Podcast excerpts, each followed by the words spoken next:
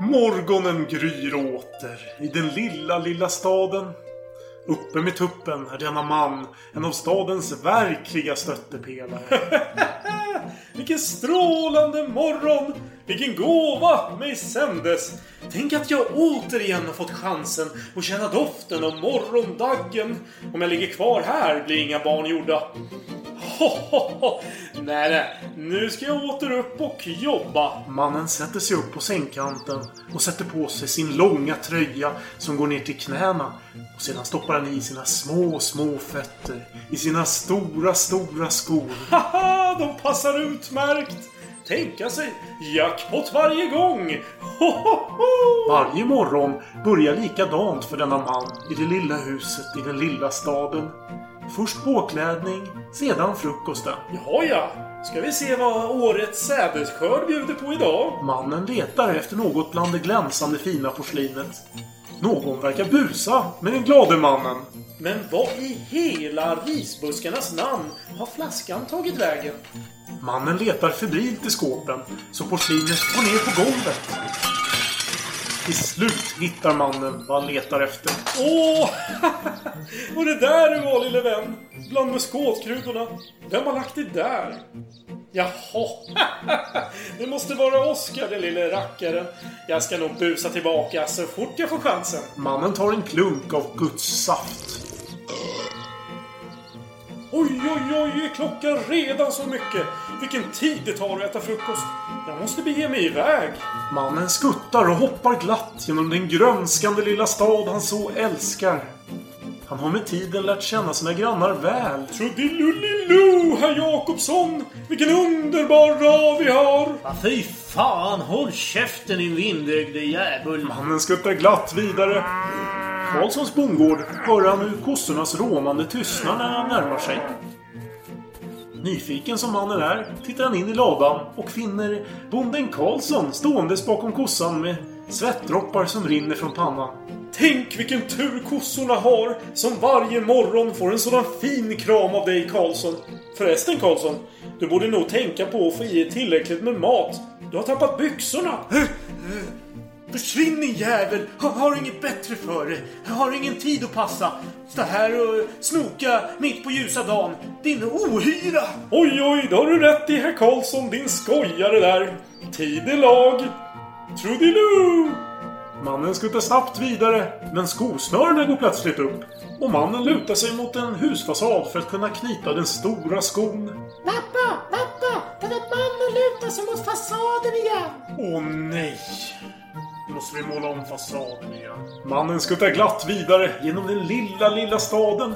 Full av välvilja. Mannen vinkar till alla som han skuttar förbi. Olle Lasse! Vinka nu tillbaka till honom. Du vet vad jag har sagt om det. Efter många skutt har mannen äntligen hamnat på den plats där han är väntad. På en liten kulle ovanför staden möter han den busige Oskar. Hörru Oskar, jag hittade flaskan som du gömde. Jag ska nog allt ge igen någon dag. Alltid klart med dumkopf. På en fin liten kulle låg personen som kallat på mannen. Sänkt av gårdagens fylla låg han och vilade mot en stock som såg ut att vara av naturen skapt för att tillfredsställa trötta själar som letat efter en viloplats. Ja men tjenare! Är det du som kallat på min uppmärksamhet? Jag är så trött på allt. Jag orkar inte mer. Jag vill bara sova. Vilken tur! Jag har precis vad du behöver. Mannen vänder sig till Oskar. Oskar, kan du ge mig, du vet vad? Oskar tar en rejäl klunk ur en medhavd flaska och slänger över det som mannen bad honom om. Mannen rättar honom skarpt. Inga rackartyg nu. Vi vill inte förlora ansiktet offentligt. Mannen och Oskar kollar nu runt omkring sig. Det har samlats en hel del folk som är nyfikna på vad som händer på den lilla höjden ovanför den lilla staden. Oskar ger den glade mannen det han behöver och mannen går fram till den trötte, bakfulle mannen. Så ja, lille vän. Snart så mår du bättre ska du se. Glöm inte att varje dag är en sällsam gåva. Ho, ho, ho! Oskar gick plötsligt fram till den trötta mannen och viskade något i hans öra. Som du säkert har märkt så har han inte de skarpaste knivarna i sin låda. Mitt konunganamn skall vara Karl den sextonde Gustav. Never surrender. allen Zeiten nicht die Mehrheit. Kom inte med en sån jävla provocerande och aggressiv ton mot mig. Där har våldet triumferat. Ask not what your country can do for you. Ask what you can do for your country. Ska vi verkligen öppna en till flaska? Ja, vad fan har du att välja mellan? Skål, ta mig fan! I have a dream. Ah, I see you look at your leader. And I too look to you, Paul Bauma. It's one small step for man. One giant leap for mankind. Nej, men välkomna tillbaka till säsong 3 av Salongsberusad historia. Precis, er dejt som ni tar ut till en så här mysig, mörk Kinakrog i ett hamnkvarter klockan 11 på måndag kväll. Ert guilty pleasure liksom. Jag tänker så. Jag tänker så. Ja. Ja. Hur är det med dig då? Vi har ändå setts på typ två månader nästan. Ja, lite jetlag. Jag var i Zürich här igår men... Men nej, jag skojar. Det är faktiskt sant. Men eh, nej, inte jetlaggad. Jag har tagit semester nu, måndagen här. För att det blev lite olyckligt eh, schema. Ja. Så vi var tvungna att köra en vardag. Ja, hur är det själv då? Jo, det är bra. Du är lite krasslig har lite, lite krasslig är jag på väg att bli, men jag hoppas att vinet här vi dricker, vad är det för vin förresten? Ja, vill du Nej, läsa? det är franska, Ja, men det var det någonting det. jag tog med mig från eh, när jag var i Frankrike. Chateau Giscoux Margaux 2011. Trevligt. Ja, jag är ganska trevlig ändå. Den var trevlig. Lite instängd. Ja, men det är trevligt. I min känsla. Ja. Säger Fritzl.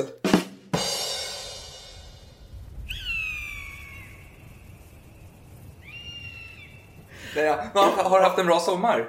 Eh, ja, sommaren känns lite fjärran nu men... Jo, det är faktiskt eh, slutet Mycket utav bra september. sommar. Trevlig med fotboll. Trevligt resultat. Mm. Vad kan man säga?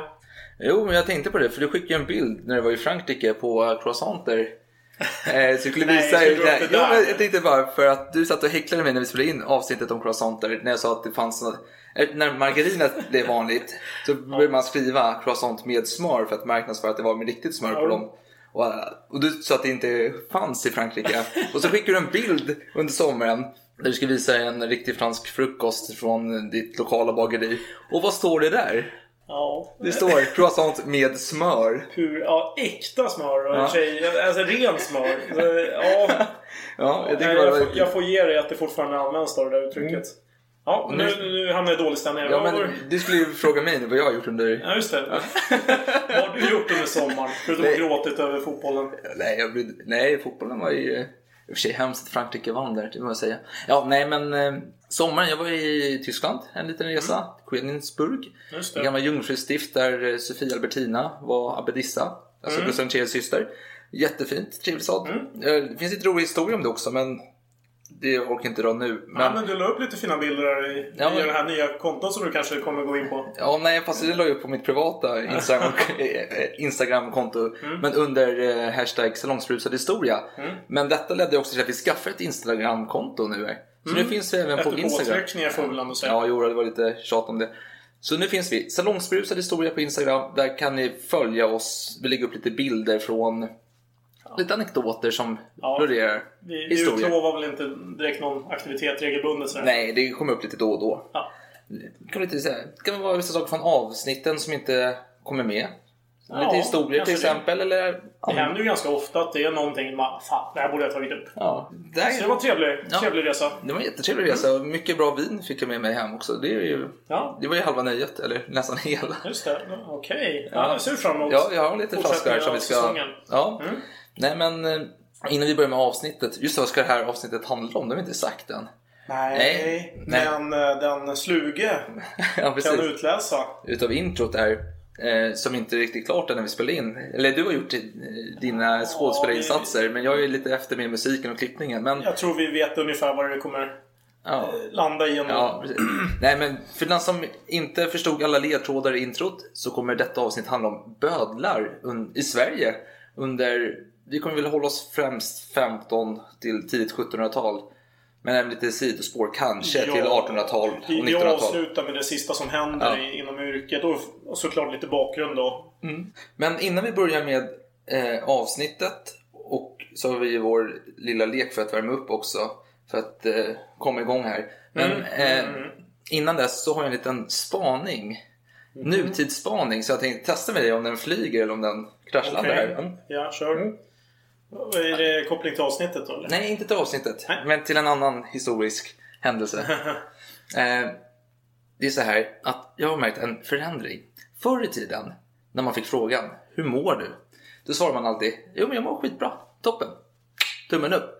Även om du har varit med om en trafikolycka på vägen och din hund har dött och så här, Men så är det i Europa.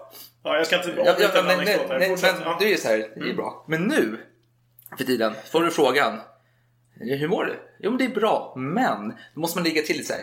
Jag sov lite dåligt i natt. Jag är lite trött. Ja. Jag, Ja. ja, man ligger till lite extra för Absolut. man får inte ha den här bara positiva saken. Är det därför? Nej men jag vet inte, men jag tänker så här. Ja.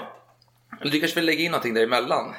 Nej, jag tänker att det kanske känns lite så här oengagerat att bara säga ja, det är bra. Alltså, att man Ja, vill, vi man vill man bjuda någonting tillbaka. Jo men man bjuder inte på någonting positivt. Jo det är bra, för jag åt pizza igår, det var skitgott. Nu är här, jo det är bra men... Fast det låter lite men lamt va? Bara, fan, mår du bra Men för vadå? pizza? Är du fan va? Fan, skärp dig. Ja men vadå, är det bättre, du är, är bättre att säga så här, jag mår bra men jag sov dåligt i natt så är trött? Ja, men det skulle inte jag säga i och för Men det sig. är folk som säger så helt. Okej. Och jag har en koppling här, för det kommer en liten historisk koppling. Ja. Jag tänker på, det är lite färsiskt det hela. Lite, lite som Axel Fersa. Alltså det är bra, bra yta men man måste ändå bjuda på något negativt samtidigt. Vad du säger egentligen är att folk saknar dagböcker. Kanske. Och jag tänker, jag har en liten slutkläm på den här. Hur mår du? Jag mår färsiskt bra.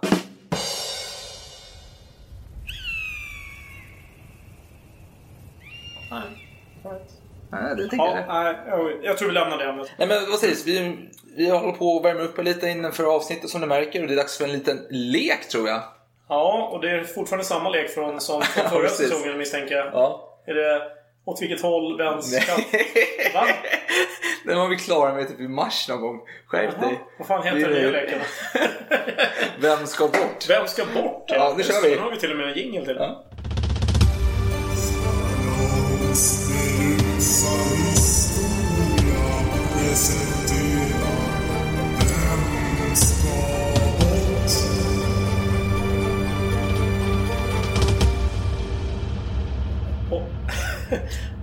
Vad är ställningen i den här leken? Jag har faktiskt inte kollat upp det men jag tror Vem var det som vann förra leken? Jag kommer fan Nej, inte ihåg det heller. Nej men alltså. Det var ingen som vann. Jag tror det är så typ 15-10 eller 15-15 eller något sånt där. Vi Jaha. kollar upp resultatet senare så ni får rätt. Jag har inte hin- hunnit göra det. Okej.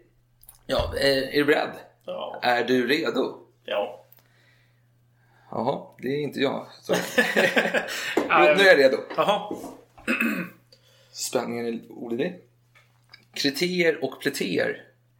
Ursäkta? Folkslaget kriterier och pletéer. Åh herregud. Eh, Charles Boycott. Platon och sist William Shakespeare. Kriterier och pletéer. Ja, det har jag ju hört det uttrycket men jag kommer fan inte ihåg någonting av det. Och sen sa du Platon och du sa Shakespeare, sa du det? Ja, Nej. och Charles Boycott. Ja, bojkott. Då tänker jag ju bara uttrycket bojkott. Jag har ingen aning om vem den personen är. Irländare aktiv på 1800-talet. Ja, det bjuder du på ändå. Det bjuder jag faktiskt på. Lite sen för jag var fan du har druckit mycket. Ja, men jag behöver ju värma upp här som du märker. Um, jaha, var ska jag börja tackla det här? Eh, Platon är ju en tänkare. Grekisk, eh, gammal, gammal grek som man brukar säga. Ja. Eh, Shakespeare, nej, ingen tänkare direkt. Han skrev ju en del pjäser. Uh, Geter, pleter, usch, känner igen det där. Men kommer fan inte ihåg vad det handlar om. Eh, och bojkott. Ja, det är mycket brittiskt på något sätt. Men det är nog inte det som är kopplingen. Nej. Shakespeare, kan det vara någon pjäs som man har skrivit? Kan det vara nå Kan det vara Macbeth? Kan det vara Hamlet?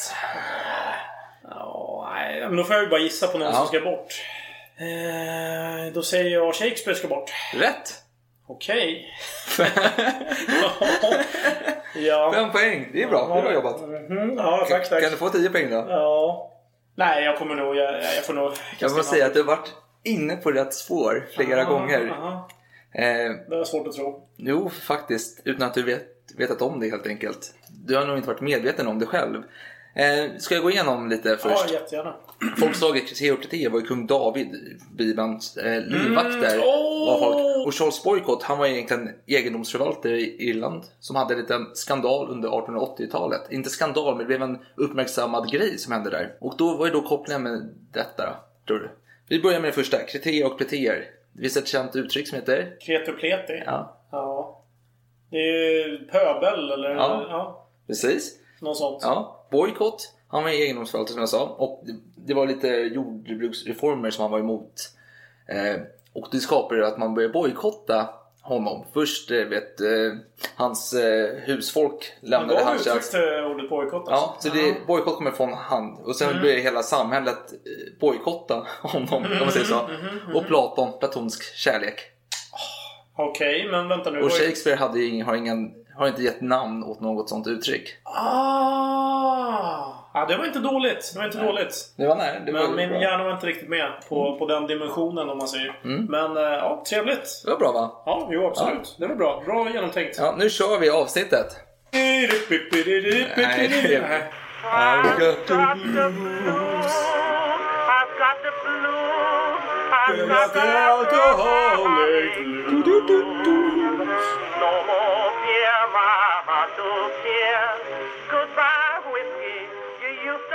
Okej då, ska vi börja prata lite om bödlar? Vill du... Ja. Vi, vi kanske bara ska nämna först att... Våra källor kanske bara... Ja, fast Eller? innan det tänkte jag lägga, berätta lite om upplägget eh, Mm, först. mm. För vi, det kommer inte vara en röd tråd som går igenom att vi Nej, följer en karaktär. när det är väldigt svårt. Utan vi, vi kommer ju prata om yrket under några århundraden och då blir det så att vi har delat upp det i olika kategorier som vi följer fram och tillbaka. Mm. Kanske eh, bödens status, hur såg den ut på 1500-talet, hur utvecklades den och, sen, och så vidare. Ja just det, för Ja. det sker en brytpunkt där. Ja, det, det kan vara bra för att inte bland, göra det för svårt Ja. för oss själva och för er. Ja. Men sen ska vi börja med, eh, du vill börja med lite källor eller? Var det så? Ah, egentligen inte, men vi kan väl säga vår huvudkälla i alla fall. Ja, det är två stycken. Jan G Ljungström, skarprättare, bödel och mästerman. Samt Annika Sandéns Bödlar, liv, död och skam i svenska 1600-tal. Svenskt 1600-tal ska jag säga. Det är de två Huvud- främst huvudkällorna. Sen har vi lite andra smått och gott då, som inte orkar inte nämna. gott. Nej, jag skiter i nämna det också. Det, Ja. Jag har bara tagit kanske något, något citat från Ja. varje och sådär. Så. Och, och som sagt, vi är ingen vetenskaplig podd på något sätt. Vi, ni får kolla upp vad vi säger och ta det för vad det är. Det är Vi, ju, vi försöker förmedla bra historier helt enkelt. Ja, exakt. Eh, då så, ska vi, vill du börja ta taktpinnen här och berätta lite om eh, hur, hur kom yrket till? Ja, det tycker jag vi ska komma in på. ja kör! Ja, ehm, ja, men man kan väl säga att bödlarna är relativt anonyma i de historiska skrifterna. Ja, fram till 1300-talet. Möjligen att det nämns i 1200-talet. Ja, du hade någon källa? jo, det hade du har ju stupagreve som nämns i Björkörätten från slutet av 1200-talet. Mm. Och det var en person som skulle utföra straffen. Det, de var ansvariga för skampålen och stupan helt enkelt. Mm. Och stupan är, då är stupstocken. Ja. Så en urholkad stock som man halshugger människor Mm. på. Och sen kommer det här tit- namnet stupagreve ersättas av just ordet bödel. Ja, man får eftersom. säga, det här är lite informella termer också. Det blir ju lite... Man, man tänker ju också 1300-tal. Det är ju relativt eh, barbariskt. Tänker man några århundraden fram? Ja, det får man väl ändå säga. Ja, det, det, det får ju lite mer formaliserat och finare termer. Vi kommer in på det, men Mm. jag skulle säga att eh, Magnus Erikssons landslag och länsindelningen där Ja. 1350, den har ju en stor inverkan för då blir det lite mer formaliserat det här ämbetet. Ja, eller själva, jag tänkte våldsmonopolet Just centreras ju till kronan. Precis, men en, en intressant detalj är att det är visserligen så att den här äh, bödan då är anställd av kronan, men inte avlönad av kronan. Vi kommer komma in på lite Ja. kring det där med avlöning senare. Men, men ja, en detalj i alla fall. Men, men just, eh, vad sa du, stupagreve? Eh, Det finns ju fler termer också. Ja.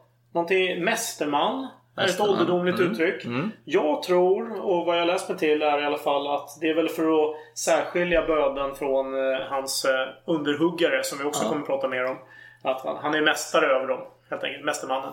Det är lite intressant du säger. Men fortsätt, jag ska Mm. kommentera det sen. Ja. Sen har vi ju skarprättare. Det är ju den mer Det är ju den, tre, det är den trevliga, fina titeln som används i eh, domar och annat. Jag tänker säga när man kallar städare för sanitetstekniker. eller sånt där. Det är lite samma, man, man, man höjer status lite där. Och, och det här ordet kommer från tyskans eh, Scharfrichter eh, som är från 1500-talet. Ja. Och sen har vi bödel. Men Mm. den, den används lite informellt också. Används i förolämpningar. Man kan säga så här som Du din vindögda bödel!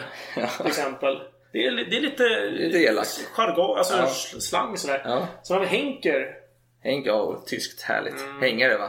Han som hänger tjuvar. Ja, Henker. Ja, det är bra. Ja, det är de synonymer jag har i alla Ja, fall. jo. Och då kanske man ska säga att bödel hittas ju i svenska skrifter från i Gotland, 1340-talet. Det kommer från tyskans bodel, som betyder fogde.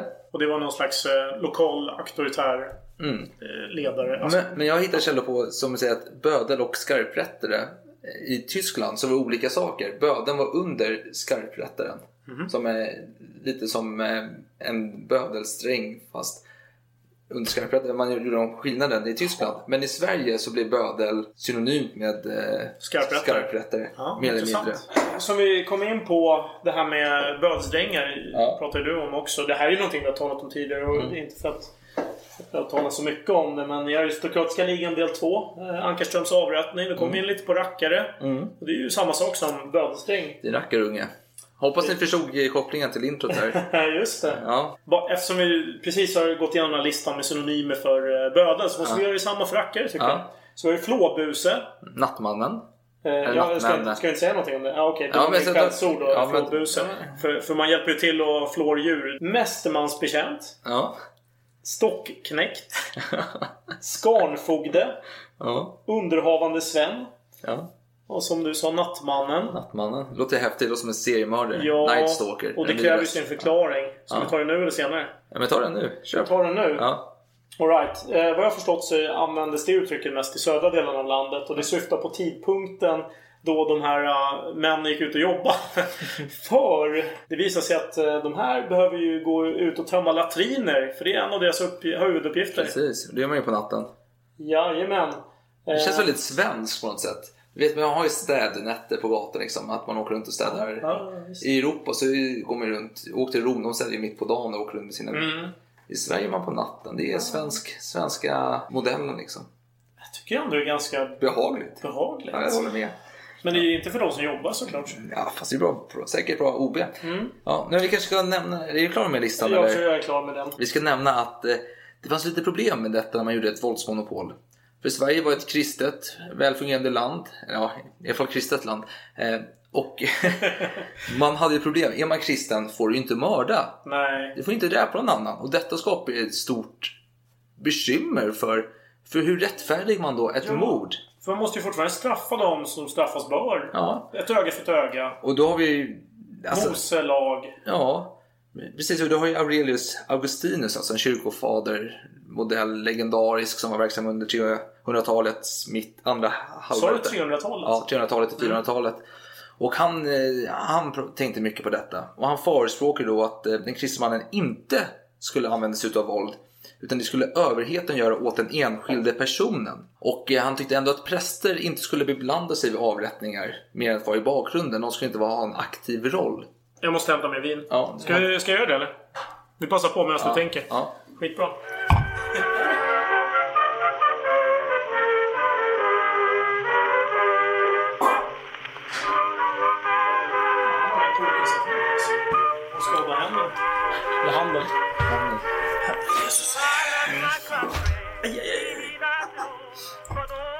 Men det jag skulle säga var att eh, för kristna, även om man var god kristen, så var du tvungen att kriga. Det här är korståg.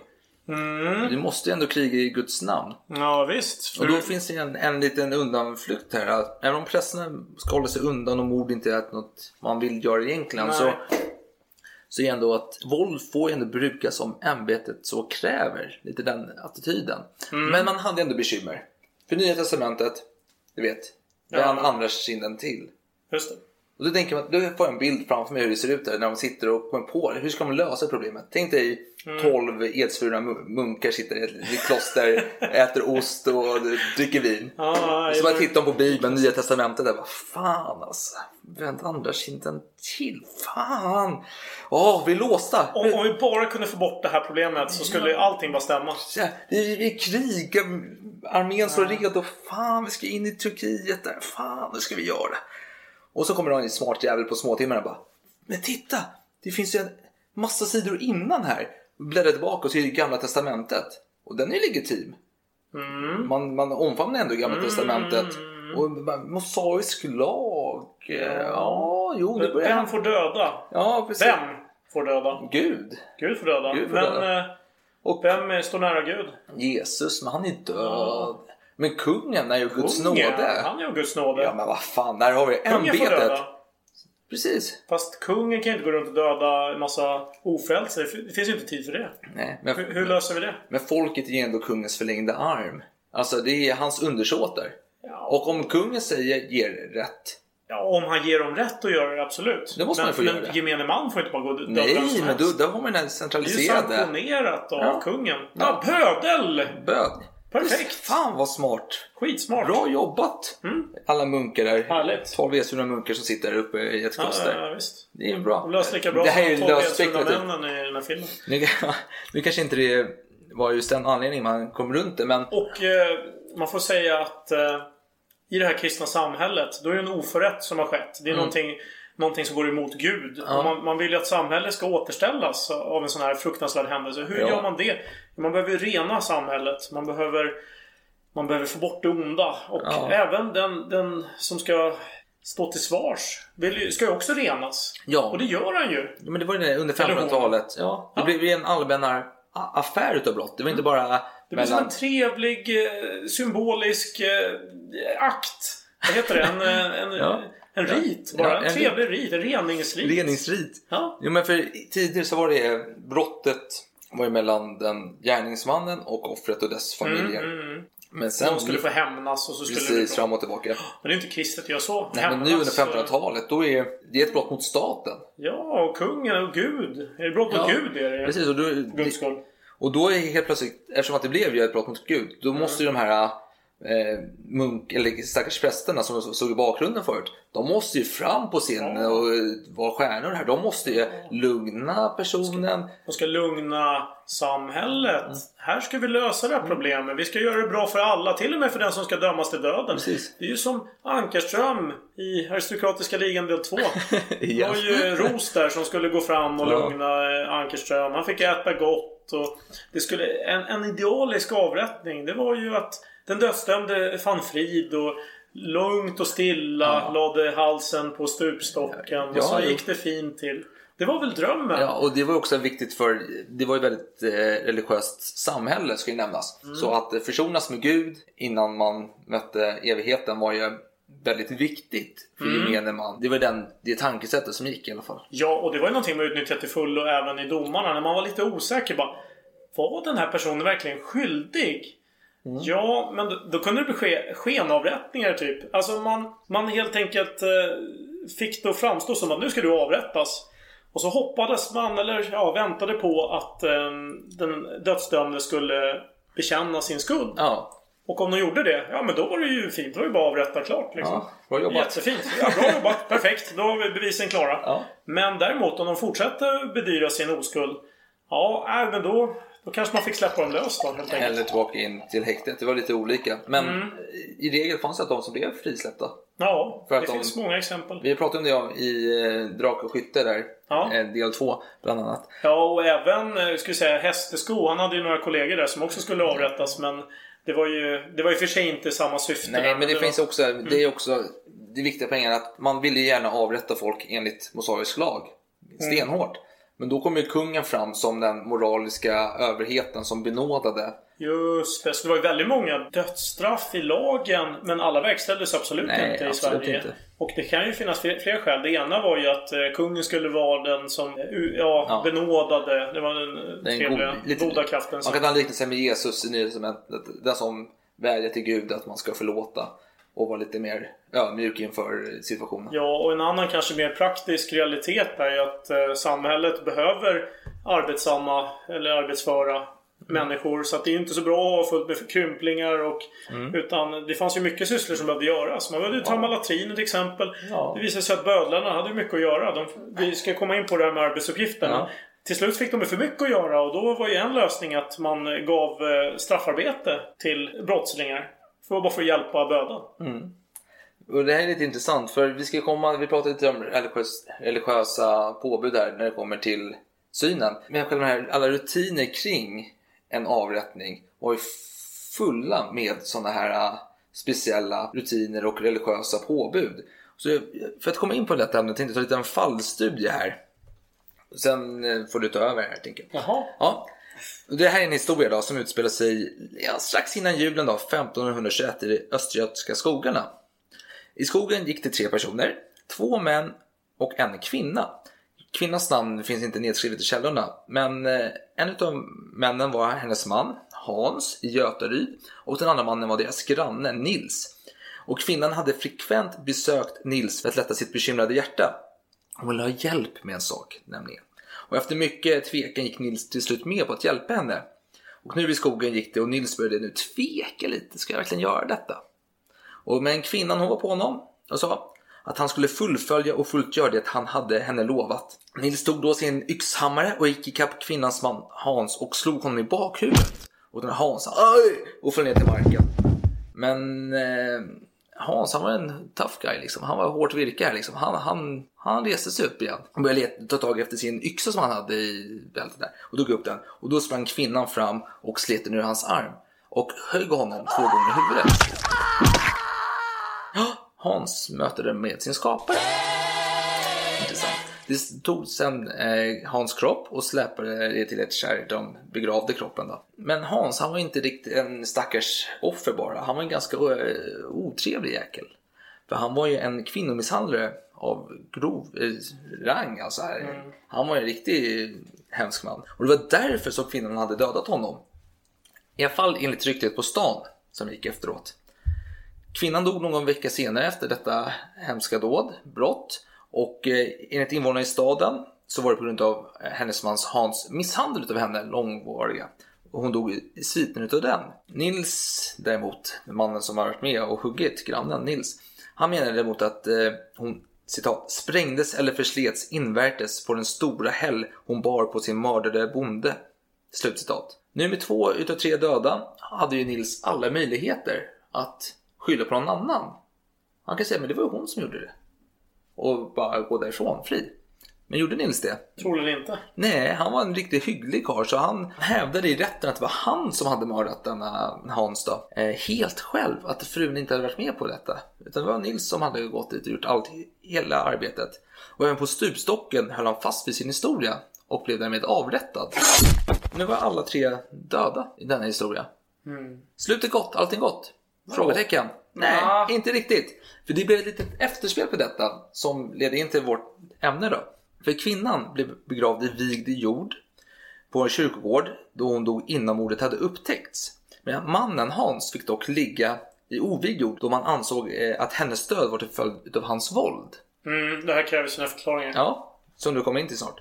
Men nu börjar släktingarna till Hans ifrågasätta detta. För om det nu var så att kvinnan hade dödat honom så borde inte hon ligga i vigd jord. Nej. Och eh, Hans ligga där istället. För det är ju frågan, sig, hade, han, hade hon dödat honom på grund av att han hade slagit henne, det kanske var rätt. Men samtidigt kanske inte han... Hon hade inte dött utav misshandeln tidigare, ansåg släktingarna. Så då, borde ju, då var det inte befogat. Ja, lite komplicerat här. Och, och rätten gav dem faktiskt rätt. Nu hade i 18 månader en mördare legat i vigd jord medan en oskyldig man hade legat i ovigd jord. Får det vara så här? Nej, får du verkligen Nu får du förklara detta för mig. Åh herregud. Ja, det är komplicerat. Men det här med vigd jord, det var ju drömmen för alla. Att Mm. få äntligen begravas i vigd jord. Man ska, kroppen ska vara orörd. Den ska, vara, den ska bara vila till återuppståndelsen Ja, helt yttersta enkelt. dagen. Yttersta dagen. Brottslingar, de ska ju för fan begravas i, under galgbacken. Ja. De ska absolut inte vara i närheten av kyrkogården. Nej. Sen har du ju de som eh, begår självmord. De är, de är också... Det är inte heller bra. Det ska vara utanför. Det är ett straff mot Gud alltså. Sen finns det sånt som är lite gråzonen. Det kan ju vara ligga i närheten kanske kyrkogården men inte riktigt bland... Det var ju viktigt att skilja människor åt. De som har levt ett fint leverne, de ska ju begravas i vigd jord. Och eh, ja, de fina adelsmän, eller kungar, de, det ska vara i kyrkan till Ja, och med. ja, ja. Så att ju närmare kyrkan desto bättre. Mm. Eh, och det här var ju någonting som folk tyckte var väldigt viktigt. Ja, Det går ju inte absolut. att underskatta. Jag tänker det där med självmord till exempel. Mm. För Det var inte bara ett personligt att du hade hånat Gud utan Gud kunde straffa hela samhället för att någon hade tagit livet av sig. Absolut. Så det, detta var inte okej. Nej. Så de skulle långt bort från eh, oss.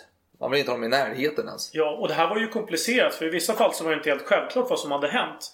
Man kunde ju... Ja, hade du någonting att... Nej, jag kommer till det sen, men fortsätt. Nej, det var ju inte självklart vad som hade hänt. Det kunde ju till synes vara någon som har självdött eller någon som har begått självmord. Mm. Och då utgår man ifrån det och begraver personen eh, enligt tillbörlig Mm. eh, ja, situation. Och när det gällde just gallbacken då skilde man gärna huvudet ifrån kroppen för man ville inte att den här personen skulle gå igen. Nej, precis. Det Det, var är ju viktigt. viktigt. Ja. Ehm, nej men det var väldigt viktigt att var sak har sin plats. Och gravarna var ju oftast grävda i öst-västlig riktning så man skulle vakna upp åt rätt håll när yttersta dagen var. Och sen har man ju också det här med kyrkklockor skulle ringa när någon dog för själaringning. Själaringningen. Men det är en katolsk... eh, Ja, så i 1500-talet ville man ändra den här synen på döden som man hade då. Luther ville ju få bort alla, Ja. vad ska man Och säga? då tyckte man att, att kyrkoklockor var lite överflödigt. Så man, eh, det förbjöds år 1593. Mm. Men till ingen verkan för folk sket ju i det här totalt. Man ringde i klockorna hej vilt i alla fall. Jag vill återkoppla lite till pesten-avsnittet Ja. där vi pratar mycket om själaringning. Ja. Att det ringde dygnet runt. Folk Ja. blev vansinniga. Folk blir vansinniga än idag av kyrkklockor. Tydligen, ja tyvärr. Tydligen, ja. Ja. Eh, men eh, som, man var lite pragmatisk här på en säga. Istället för att förbjuda, du försökte, det gick inte. Vad gör man då? Man ändrar betydelsen för kyrkoklockorna. Så 1686, vid ett kyrkomöte, kom man fram då till att kyrkoklockor skulle ringa. Dock inte som någon eh, själaringning här, utan det var endast för att deklarera att någon hade dött. Samt citat, uppväcka kristliga tankar om dödligheten hos de som kvarleva. Slutcitat. Och att dö oväntat var inte heller någonting att rekommendera. Helst skulle det vara en utdragen process. Det skulle Ja, ligga- skulle, barnen skulle sjunga för den som var döende. Ja. Och det skulle vara väldigt fint och det skulle stillsamt. Ja, och gärna lite, det fanns ju specialskrivna salmer och uh, olika saker man skulle... Böner som... Det här var ju nästan lite business. Mm. Alltså det här var ju en grej. Alltså att bara dör, få en hjärtattack helt plötsligt när man äter middag var inte någonting som var kul för någon. Nej, nej, nej. nej. Nej. Men du har en liten, för att återkoppla till detta med eh, självspillning, det vill säga självmord. Så finns en historia från 1604 i Vadstena. Då blir böden kallad för att ta hand om en man som har hängt sig själv. Böden skär ner mannen och dumpar kroppen till kärret utanför staden, som man gör vid självmord. Men senare under dagen fick böden order att hämta upp den här liket igen och eh, köra, öppna kistan och visa upp kroppen och köra in den till stan. För bönaren hade upptäckt en sak. Den här mannen hade blivit knivhuggen.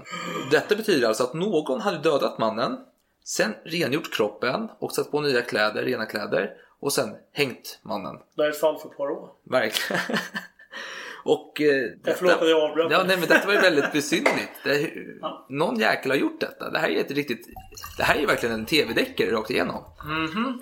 Men böden, han tog det säkra för det osäkra och körde en påle genom bröstet som man ofta gör vid eh, när det är självmord. Det, det, det, Skadar inte. det skadar inte liksom, men det är lite oklart vad som har hänt ändå. För varför hade han dött? Hade han någon del i sin egen död? Hade han gjort någonting olagligt? Var Mm. han en kriminell buse eller var han bara en oskyldig man som någon här släkt... Jag, vet, jag tänker Mm. eh, mordet i Midsommar, någon här jättegammal eh, släkthistoria som ligger Ja. bakom mordet. Någon här ek som någon vill hugga ner för hundra år sedan. Man vet inte. Man kan väl säga att de här kriminaltekniska tillkortakommandena på 1600-talet verkligen visade eh, sina begränsningar Ja. just i det här fallet. när det var viktigt. Då. Så man kom inte fram till någonting. Så i fyra år tog det innan den här mannen blev begravd. Och var blev han begravd någonstans då? Var du utanför 20-åringen kanske? Galgbacken. Oj! Så man kom inte fram till något riktigt Nej. bra där. Men... För det, det här väckte ju oro hos befolkningen också. De kände bara, är han verkligen rätt begravd? Oj, om han inte är rätt begravd då kan ju hans anda hemsöka oss och så vidare. Det var ju väldigt levande det här för dem. Alltså Ja. de döda, det var lite jobbigt. Kommer vi in lite på det här med mystiken kring Ja, döden också? ja. Ska vi prata om det nu? Ja, kör, kör. Ja, jag, jag tänker just att döden var ju den kontakten som människorna hade mellan de döda och de levande egentligen. Ja. Och eh, det var ju lite så här, man fick ju känsla av magiska krafter. Att böden hade tillgång till sånt som inte andra hade. Man hade tillgång till de döda kropparna till exempel. En, en finger. Det var ju, fanns ju vidskeplighet runt det. Ja, det ja. kunde bringa tur i vissa fall. Ja. Men man, man ville ju absolut inte ha någonting att göra med böda. Men böda var den enda kontakten som fanns för att få tag på de här sakerna. Jaha, Så det var ju mycket sådana här ja. De, de, var i, de var i gränslandet mellan levande och död. De var ju den här Ja. väkt, alltså, natt, jag vet inte, dörrvakten här emellan. Ja, precis. Och de skulle ju hålla sig i bakgrunden. De skulle inte vara en aktiv roll som vi nämnde tidigare. Just det där att man skulle få eh, man skulle rena, det var en renande Mm. process detta. Ja, de skulle, de skulle vara så anonyma som möjligt. Precis. De skulle bara se till att det sker effektivt. Ja, precis. Och det roliga är för dess, denna process, avrättningen, förändras ju under tid. När de kommer till 1700-talet blir det allt lite mer pampigt och lite mer storskaligt. Och som den här Annika Sandén beskriver i sin bok så kunde vissa avrättningar på 1700-talet, det kunde vara så att det, det blev alldeles för mycket helt enkelt. Det kunde, den dömde kunde ju komma i sina finaste kläder som det var ett bröllop eller något sånt där och ta med sig en egen kör som han hade hyrt in liksom för att Ja. spela någon schysst eh, jazzstandard Och liksom. fick alltid ta sin sista sup. Väljer man vill ha champagne eller någonting annat. Ja. Vill jag minnas att Och Ankarström ja. valde champagne tror jag. Ja. Jag minns inte riktigt. Och det blir lite för, för detta är inte riktigt syftet. Du ska ändå ha visst renande, det ska ändå vara avskräckande syfte. För du ska veta att begår du brott, då hamnar jag där. Ja, så det var det tudelat då. Man skulle visa att det här var absolut inte acceptabelt. Det skulle vara Mm. avskräckande effekt. Men också att eh, det här är ett avslut. Nu är vi tillbaka i det här eh, rena, fina, kristna Ja. samhället igen. Nu är det onda borta. Precis. Men eh, vi ska ju gå in på en ny kategori här kanske. Ja. Yrket. Vi har varit inne lite och nosat på det, men eh, Nej, men böden hade ju inte bara avrättningar att göra. För man, man måste ju nämna det att det var ju ganska sällsynt med avrättningar. ja. Alltså i en medelstor stad. Det kanske var... I i vissa fall kunde det gå ett decennium mellan avrättningarna. Ja, jag tror att det, det finns lite uppgifter. Vi Jag- kommer in jag lite har mer på en- senare. Jag men har det- en upp- uppgift om 3-4 avrättningar per år i Stockholm. Ja, alltså jo, storstad. och det kan finnas upp till åtta varje ett år. Och, men det hade ju flera områden, det hade ju oftast inte en stad. Ja. Det hade ju olika län mer eller mindre där det hade. Ja, precis. Så det fick ju oftast- Länsindelningen hade ju en, en, en, effekt då. Att böden fick kanske ansvar för större områden. Ja. Ibland kunde man hyra in en böde från ett annat län. Mm. Så absolut är det så. Men man Men- får ju ändå säga det här är inget heltidsyrke. Man gör inte hela dagen går och dödar folk. Nej, men runt mellan tre och åtta kanske per år då. Om man- Per år, det är ja. inte mycket. Det är Nej, en- nej, det är 365 dagar per år. Man det... måste se till att den här böden gör mer jobb för pengarna. Han får ju ändå lön. Ja. Visserligen inte fruktansvärt bra lön, vilket vi kommer att prata om. de får lön. Men, men de får lön och de måste göra ett jobb och de har låg status som jag pratade lite grann Ja. om. Eh, vad finns det mer för lågstatusjobb som behöver göras? Jo, du har ju en massa lösspringande hundar och katter. Ja, och Eh. grisar, hästar. Ja, ja, grisar och hästar de är ju ändå... Ja, grisar är i alla fall mat. Så det är... Ja, jo, jo, men de springer runt. Det finns Ja. lite lösdrivande. Ja, men- alltså, jag säga så här, hästar och grisar dör. Ja, när de dör, vem ska släppa bort liken? Det är ju lite fult och äckligt att peta med dem. Ja, hästar är heliga i Sverige. Det är som kossorna i En Indien. fin och ärlig människa ska inte behöva beblanda sig med det. Nej, men då kallar man på böden. För böden ska... En av bödens uppgifter är att ta bort djurlik. Ja, och flå Eller lik överhuvudtaget. ja, och, och flå hudar. Det är också någonting som Ja. är smutsigt. Så Ja. det ska böden göra. Och sen framförallt latriner. Ja. De måste tömmas. Gärna inte utanför fönstret. Nej, nej. Det är ju lite otäckt. Så då behövs en bödel. Så bödeln fick en massa uppgifter egentligen. Och det var väl de här i huvudsak. Ska vi gå in på vad de får betalt kanske? Ja, kör. Ja, som jag tidigare nämnt då så är det ju kronan som anställer bödeln men det är fortfarande staden som ska avlöna. Mm. Och eh, lönen kommer från egentligen någon slags stöldfond, eller vad ska man säga? Eh, bötesfond. Ja, Folk precis. betalar böter och då tar man från den här fonden för att betala b- bödeln. Men jag vill bara säga notering att Mm. i Europa så var det även så att eh, bödlar var oftast inblandade inom bordellverksamhet. Vi ska prata lite mer om det senare. Men då fick man ju pengar från bordellverksamheten också som, Ah. Som lön. Ja, och nu kallar man det här då sakörerna. Ja. Det är alltså bötesintäkter. Ja. Det är det som går till... Nej, allt går inte till böden, men böden får pengar därifrån. Och eh, jag har ett löneexempel från Ja, ja. eh, 1635.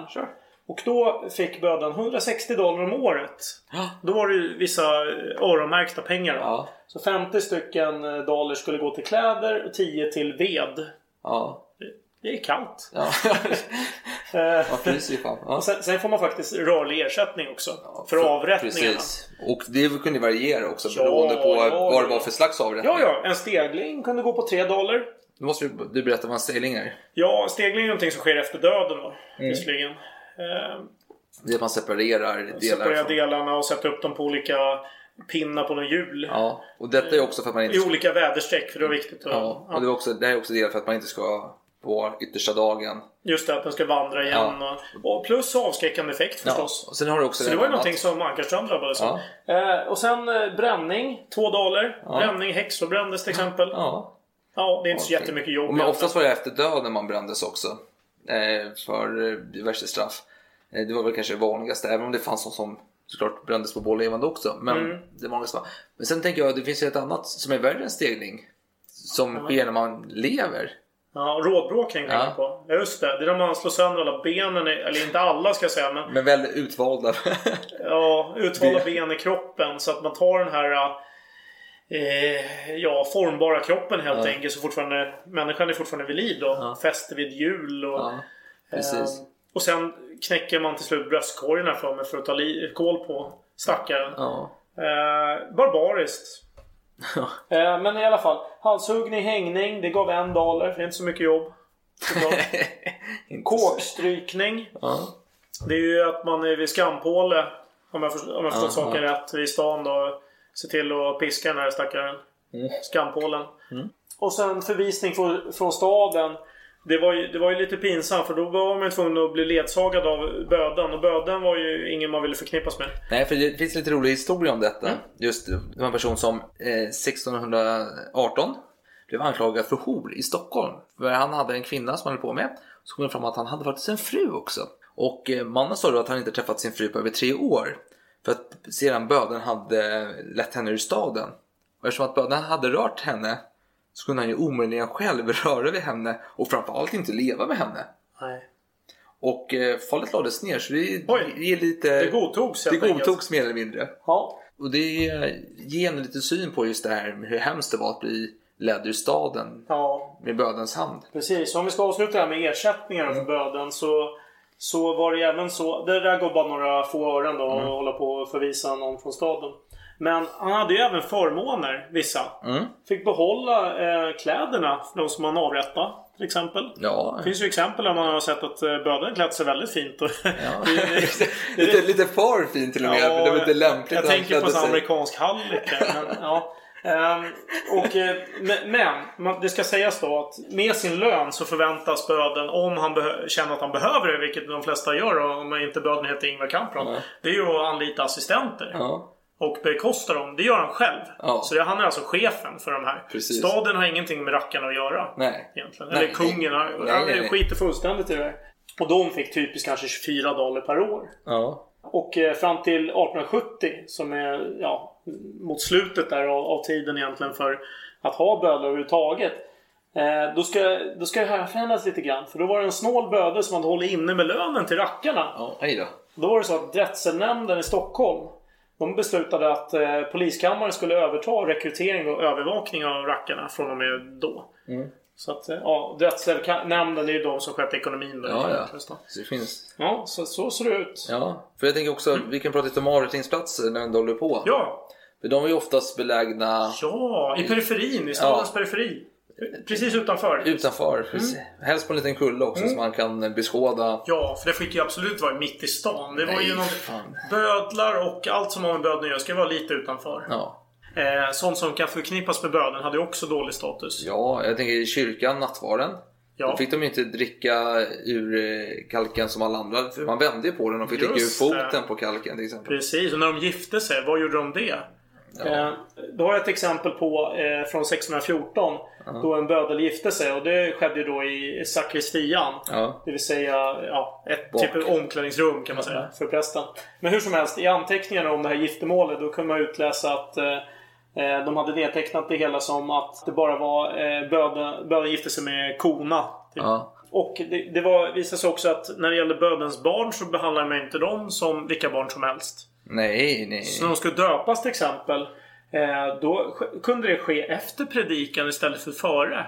Ja, Bara för att göra en åtskillnad av ärliga personers barn och bödens barn. jo, men sen finns det också fall där man försökte göra att det skulle ske, alltså eh, på 1600-talets slut så försökte man göra yrket till ett ärobart yrke. Mm. Och då var ju kyrkan och makten försökte ändå göra det som att det här är en ämbetsman som... Ja, och det var ju Karl XII som eh, skickade en skriftlig förmaning till alla landshövdingar år 1699. Som löd så här då, att ingen skarprättare skall i anseende till sitt ämbete hållas för oärlig. Nej. För han verkställde ju Kungliga Majestäts och domstolarnas beslut. Eh, och eh, därför ska skarprättaren med dess hustru, barn och tjänstefolk lämnas fritt att hava umgänge med annat ärligt folk. Och, och sen kan det ju vara så att bödens eh, barn och tjänstefolk de, de behöver ju inte nödvändigtvis syssla med bödesämbetet. Nej, nej, nej. Eh, och då skulle de, eh, om de åstundade på annat sätt att söka sig födan, borde det hos annat folk bliva i tjänst antagna. Ja. Så XII gör markering här. Bara, fan, bara för att han är bödens son ska han inte få... Det är klart han ska få det här jobbet. Han gör ju bara sitt jobb liksom. Det är helt okej. Jo, och eh, han försökte, men kyrkan försökte också. För det finns en liten historia här om en eh, bödel som ska ha ett barn som ska döpas va? Eller ska han begravas? Jag minns inte riktigt. Ja, just det. Du tänker på eh, år 1665. Ja, jo precis. Eh, då fick en bödel i Uppsala ett barn. Ja, Och eh, enligt dåvarande sed då skulle någon annan än föräldrarna bära barnet till dopet. Det var så det funkade helt Mm. Ja. enkelt. Men det var ingen som var frivillig då för bödens barn. Eh, Alla vägrade. Och magistraten då frågade... De lyckades hitta en eh, lösdrivare. Ja. Frågade bara... "Men vad Kalle fan- på luffen här. Ja, Kalle på luffen bara. Fan, fan Kalle, kan inte du, kan inte du bära det här barnet till Mm. Kom igen. Och då sa han så här. Nej men fan, det, det vägrar jag. Jag måste tänka på mitt rykte. Jaha. Men vad fan har du för jävla rykte? Jaha, nej men... Jaha, nej men nej, det där köper jag inte. Vad fan, kan inte du bara ta den bödens barn? Ja, fan? bär skiten liksom. Ja, och då sa han så här. Ja, men jag har vacker släkt på landet. Så som länsmän, länsmän, alltså ja, någon slags polis. Ja. Skulle alltså av dem därför bli föraktad. Jaha. Rådet bara gäspar vad fan. Nej men nu får du fan skärpa dig. Nu, nu, nu gör du det här. Och så löser jag. Ja men jag gör det inte. Jag vill hellre gå på torget och låta slå huvudet av mig. Eh, och, och då... äh, Fan, de det här råd blev vansinniga. Bara, vad jävla idiot. De, eh, han hamnade i fängelse på vatten och bröd en vecka.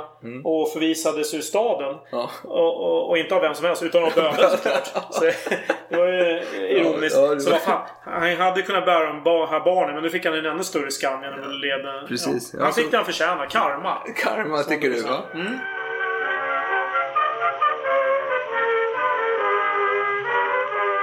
Men nu har vi pratat väldigt mycket om just eh, lite spridda skurar runt bödelsyrket. Ja, det har vi gjort. Så eh, jag tänker vi måste ju ta reda på hur blir man bödel? Vem är det som får Mm. denna lågstatustjänst? Ja, och, och, tänk, och då måste du precisera vilka år... Det, år Ja, men jag tänker du menar. tidigt, i början. I hur, början. hur rekryterar man folk i Ja, början? så vem vill bli bödel? Vem vill vara den lägst stående ämbetsmannen? I... Ja, svaret är ingen. Nej. Så vad är lösningen? Jo, Jo. Den här historien är från Stockholms tänkeböcker 1507. De har en tjuv som heter Olof Fur. Mm. Som då ska dömas. Till döden? Till För döden. stöld? Han är dömd till döden. Ja. Eh, och det här är citat då. Och den gamle böden märkte honom. Och han dömde den gamle till svärd. Vad är det som Vad hände där? Vilken twist! Det här är som en eh, riktigt bra thrillerrulle tänker Ja. jag från 90-talet. Ja, det är så mycket som gömmer sig i den här meningen. Ska Ja. vi börja med eh, märkte honom? Vad menas med det? Ja, men det är ju den här klassikern när man eh, gör en märkt. Man kanske skär av ett öra eller brännmärker i ansiktet. Exakt. Och det framgår ju inte riktigt av handlingarna vad det innebär. Men det är Nej. någon av dem förmodligen. Eh, och det var så man gjorde. Och, och vad var då så man gjorde? Han ska ju bli dömd till döden. Tänker man. Ja. Nej, det är inte det som sker här. Nej, det är inte riktigt det som sker. Det är inte riktigt det som sker. För han dömde den gamle till svärdet. Ja, alltså den här gamle böden, han blev dömd till svärdet. Ja, varför Av det? den som han Skulle avrätta. ska avrätta. Nej, Det här är en riktig Det är en riktig twist. twist. Ja. Det handlar helt enkelt om att Först och främst så gjorde han en märkning av den här uh, Olof. Olof skulle bli den nya bödeln. Det är Precis. det det handlar om. Men varför dog då den gamle bödeln? Ja, men han var ju en benådad gammal brottsling. Han skulle bara... Han har ju gjort det han skulle. Precis, nu sätter du något ord på det viktiga här. Ja. Man blev benådad. Eller eh, inte riktigt benådad, man fick uppskov på sin dödsdom mer eller mindre. Ja, benådning kunde ju te sig olika uttryck. Men Man kunde bli benådad till svärdet. Ja, Eller hur? som Ankerström. Ja, Nej.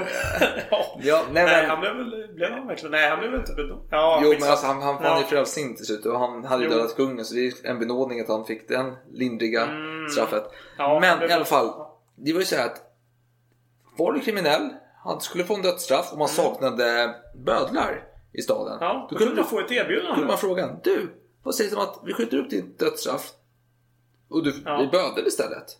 Och det, det här måste ju sägas, det krävs ju faktiskt en anställningsintervju egentligen också. Mer eller mindre. Mer eller mindre. Och det kan man säga att det som avhandlades här var just det. Ja. Han, ville, han skulle ju visa att han kunde förrätta sitt eh, ämbete. Ja. Han skulle avrätta en gamle Ja, bödel. precis. Och om han lyckades bra, ja men då får han en anställning. Ja. Och om då- man misslyckas, och ja, märk- då får man väl avrätta honom. Och märkningen var ju för att man inte skulle kunna fly staden Ja. utan att man lätt kunna känna sig igen då. Ja, det är viktigt att påpeka. Det här är ju kriminella det handlar om. Man Ja. kan inte lita på dem. Nej, nej. Så det gäller att märka dem ordentligt. De ska fan inte... Om de flyr så kommer man lätt hitta dem igen och då blir de ju... Och då blir de fan steglade kanske. Eller Ja. någonting. Ja, nej, men alltså, så det, detta var ju som man gjorde. Och eh, men grejen var, som det här fallet visar, när du var klar med ditt eh, ämbete, då fick du ju möta döden igen. Då Ja. var ju uppskovet Ja, då hade de ju ingenting mer att tillföra samhället Nej. egentligen. Och då verkställdes ju straffet. Och det finns ju till och med, för eh, vi har inte pratat om det än, men det är ju män som är bödlar. Kvinnor får ju inte vara bödlar. Mm. Men det finns en historia där faktiskt kvinna har avrättat män som bödel. Ja, och en annan historia som gör att hon, hon får själva titeln bödel men Ja, inte det kommer avrättar. senare. Ja. Och den här historien, första när hon väl avrättar, det, det sker 1547 i Jönköping. Då hon och två män eh, står inför eh, döden, helt enkelt. Och det är för stöld såklart, för det är väldigt allvarligt på den här tiden. ja, det måste vi prata om. Ja. Ja. Men staden hade dock ingen bödel. Och då var den här lilla domaren väldigt eh, pragmatisk. Så han föreslog helt enkelt att eh, du kan få leva om du avrättar de andra två. Ja, tänkte hon, varför inte? Och eh, så hon, hon fullföljde det liksom. Inte helt ovanligt ändå att en bödel tvingas avrätta sina kumpaner. Nej. För de är ju kriminella som Ja. sagt. Men hon fick ju leva, så jag vet inte riktigt om det blev att hon blev fri sen efteråt. Ja. Att det var ju, de här handlingarna är inte alltid fullständiga. Man vet inte riktigt vad som händer med allting. Nej. Eh, Så man vet inte om allting verkställs heller. Det kan vara en dom. Man Ja, vet inte ja. riktigt. Nej men Mm. återigen till de här äh, benådningsbödlarna. Ja, för det är det som det handlar om fram Ja. till egentligen 1630-tal Ja. ungefär. Ja, det, det är så det går till helt enkelt. Och eh, det finns ett problem med detta. Eh, dels så är det ett problem att de är kriminella. Ja, ja och visst. eh, du kan, att ändra en tjuvs beteende är inte alltid det Nej. Sen, lättaste. sen måste man förstå lite kanske effekten av att det här är personer som man inte vill beblanda sig med. Och Nej. att de är kriminella. Det gör ju att deras hus... De, ja, de har ju det- bostad. De får ju en tjänstebostad. Det har Ja, inte nämnt. ja, ja, ja. Jo, och det, det var ju en av förmånerna. De får ju bostad eh, också då. Mm. Eh, och, och det är lätt för dem att gömma stöldgods. Det är ingen som går i närheten av en bödel egentligen. Alltså det, Nej, det finns ju en del problem Vet du, förknippade vet du med det. vad bostaden, bödelsbostaden, vilket, vilket kvarter det låg i i Stockholm på 1500-talet? Nej, nej, det vet jag I inte. kvarter Helvetet. Dock så verkar det vara att helvetet kommer från norr om, alltså Mm. norra kvarteret. Att helvete betyder norr. Ja, ja, ja. För Ja. norr var... Det var norr va, som var väderstreck som var förknippat med helvetet. precis. Så det, men, och, men då förr i tiden, 500-talet, då var det ju väldigt centralt beläget. Mm. Det var alltid vid rådhusen eller så här, att- och bönerna kom in där och var lite tuff i förharen. Bad cup, good cup, Ja, ja, ja, stuket. Ja. Visar bara bönerna med sin så här, latexmask eller den här stereotypiska bilden man har som inte stämmer. Men jag ser framför mig att han står där i så här, läder Ja. kläder liksom och bara ser tuff ut. Just det. Muskulös. Ja, men bödeln Det känns 90-tal, jag vet inte. Kan vara så. Men sen, allt eftersom, så börjar bödelsbostäderna skjutas ut från stadens centrum och hamna utanför centrum. Eh, och kanske precis vid, utanför staden helt enkelt. Där ligger bödelsbostäderna. Och detta är ju guldgruvor för de kriminella benådningsbödlarna. Ja. För det är ingen som går in dit och tittar. Nej. Ingen vill ju, ingen vågar, ingen får. Nej, Böden går ju inte och äter med ålderfolk och så vidare. Han kan ju gå- på puben till exempel. Men han får ju sitt eget bord och alltså det är allting. Man slänger, annan man slänger alla åt honom. eh, och- alltså, tallrikar och fat och hela skiten. Man slänger Ja, den när ja, ja, har varit där. Det är det- ingenting man vill hålla på med. Nej. Nej, men eh, det finns en historia om en liten bödel som varit tjuv vid namn Klemet. Eh, Jag vet inte uttalet där. Men vi säger Klemet. Han hade hävdat att han varit bödel i Tyskland i olika städer och bemästrade yrket väldigt väl. Ja, han fick visa upp sina skills då han hängde en tjuv. Han var också en benådningsbödel helt enkelt. Men han var kriminell i själ och hjärta. Så uh, några år senare satt bödeln fast själv i bojor för grov stöld. Och han hade med sina kuponer stulit öl, torkade gäddor bland annat, smör och lite så här sköna matvaror. Länsat egentligen handelsboden. Torkade gäddor. Det Ja, ja. det var- det- det är värt att dö för. Ja, verkligen. Ja, Men förlåt. problemet var det här. Det kom ett dubbel, dubbeltwist här. För tänk dig en 90-talsfilm detta. Första benådningsböden, det är första twisten. Mm. Ja. Så kommer alltid en andra twist på slutet. När böden åker fast, det finns ju ingen annan bödel i staden. Nej.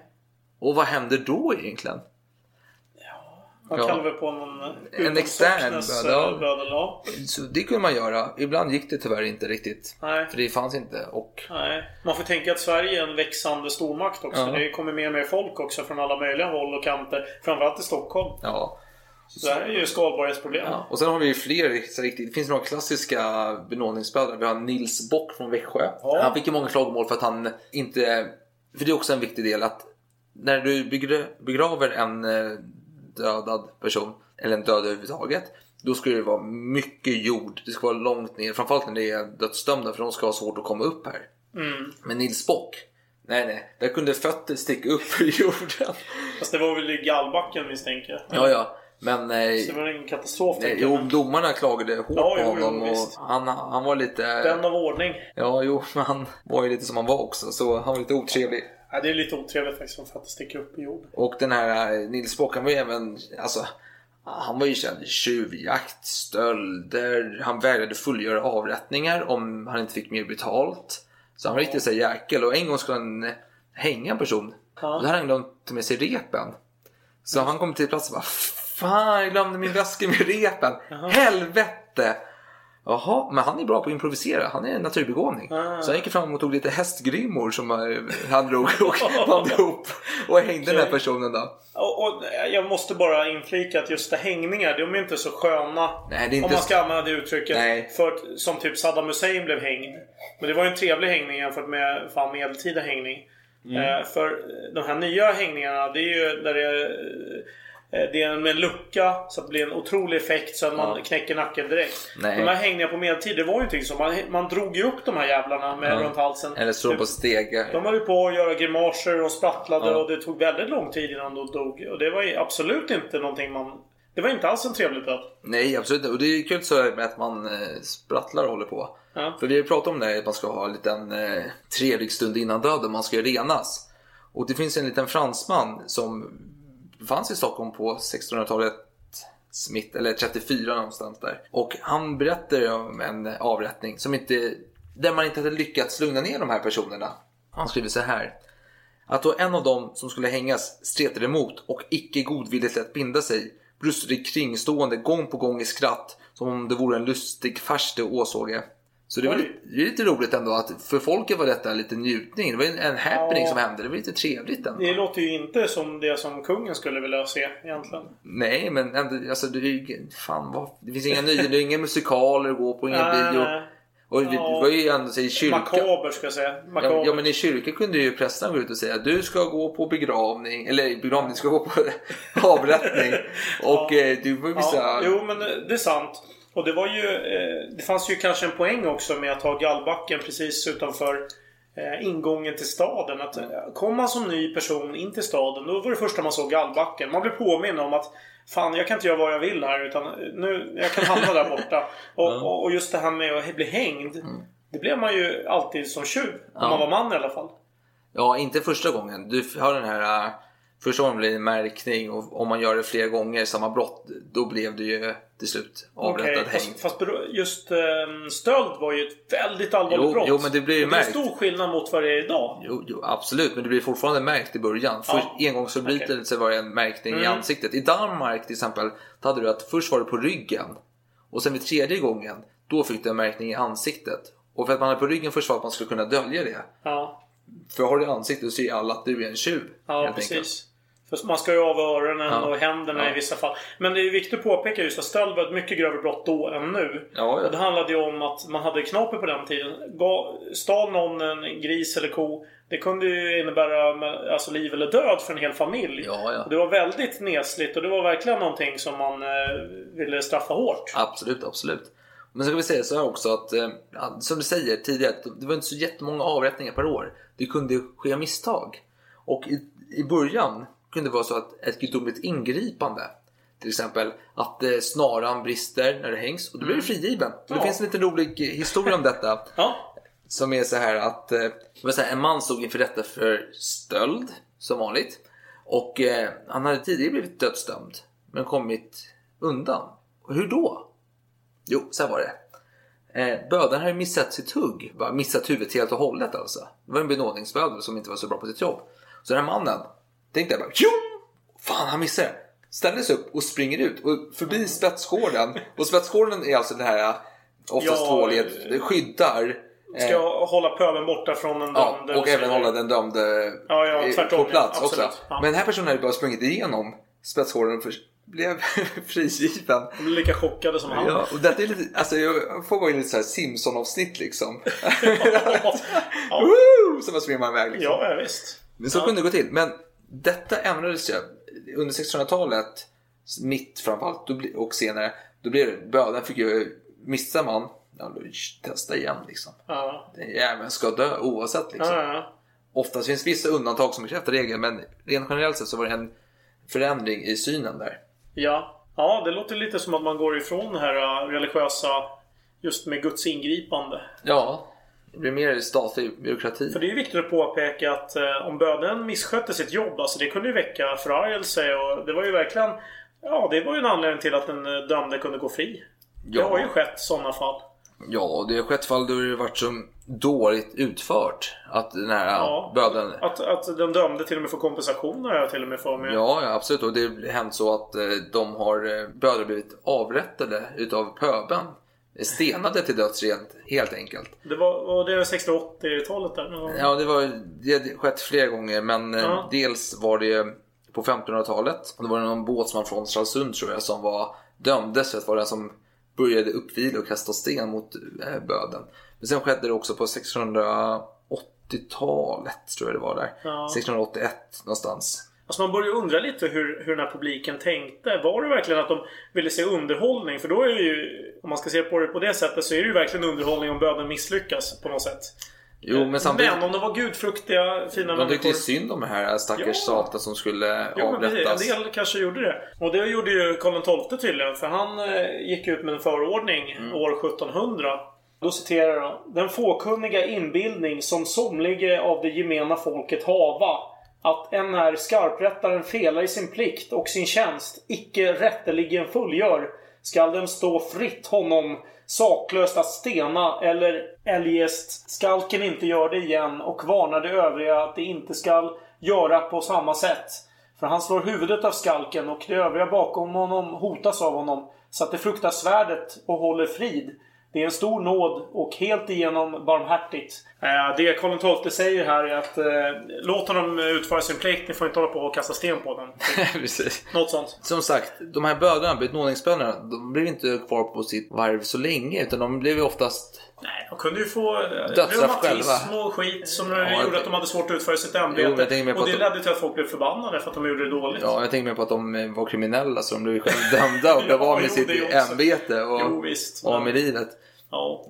Så det finns ju flera bödelsöden där det varit så. Det finns Ja. en bödel, eh, han hade ju hamnat i bråk med en kompis hemma De hade knuffat honom och han hade dragit fram sin kniv och de hade hotat varandra. Kom citat kvinnofolket, subciterat, in och avbröt det hela. Så att de drack lite mer så blev de arga igen. Och då hade de ju börjat knuffa och dra fram kniv igen. Men den här bödaren hade sprungit och hämtat sitt svärd istället. Och huggit den här, Oj. sin kompis. Så Jaha. han blev ju själv avrättad då. Men eh, sådana saker kunde ske i Ja. bödlarnas värld. Och, det var inte så bra med sånt. Alltså, det känns som ett systemskifte behövs nu, eller? Ja, för det behövs. Och det, vi har ju ett land, en, en stormakt som tar form. Ja. Och eh, Gustav II Stormakt-Sverige. Adolf eh, bygger upp det här landet på ett Ja, fint visst. sätt. Han, bygger, han bygger tukthus till exempel. Ja, Får för- ordning på fattigdomen. De, eh, de får arbeta lite Precis, i ja. tukthuset.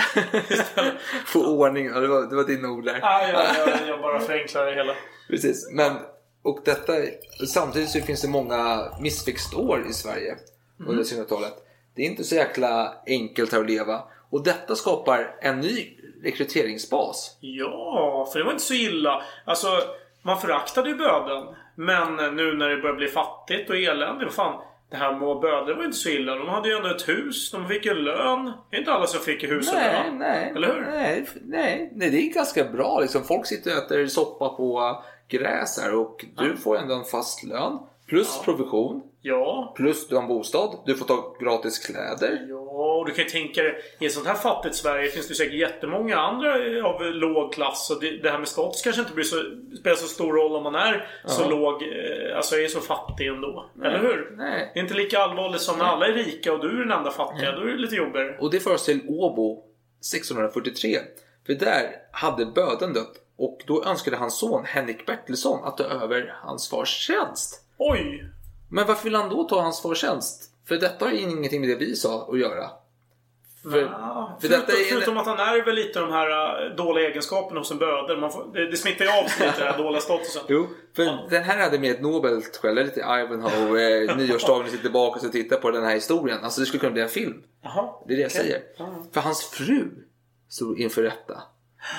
Och Oj. skulle straffas med ris och förvisas av staden. Så den här Henrik då, han tänkte Jag tar yrket, jag vill bli bödel för att skydda min fru. För då ska hon bli benådad jag tar det är, det är min deal. Det var fint. Det här är väldigt nobelt. Väldigt, Väldigt fint. nobelt. Väldigt bra. Och sen så hade han krav att han skulle slippa märkningen. Han ville inte bli av med aret. Nej, han var han, ju- onödig. han hade ju inte gjort, begått något straff Nej, egentligen. nej, Och det var ju gott. rimligt, Nej. måste man väl ändå säga. Ja, absolut. Och han fick sin vilja igenom, blev stadens nya bödel. Och var det de kommande 19 åren. Ja. Då hans son Göran Henriksson tog över. Och han var ju inte ensam om det här. det var ett och, systemskifte. precis, och det, detta blev en ny grej för Göran, den här Pratar du om Göran Göransson? Eller Gör, Göran Henriksson pratar jag om. Alltså, Jaha, den, den här mannens son som tog Ja, efter honom okej. efter 19 år. Han, han använde ju sina pengar till att även försörja sin pensionerade far. Den här nobla Henrik då. Så detta är ett systemskifte kan man säga. Och detta är ju vanligt i Europa.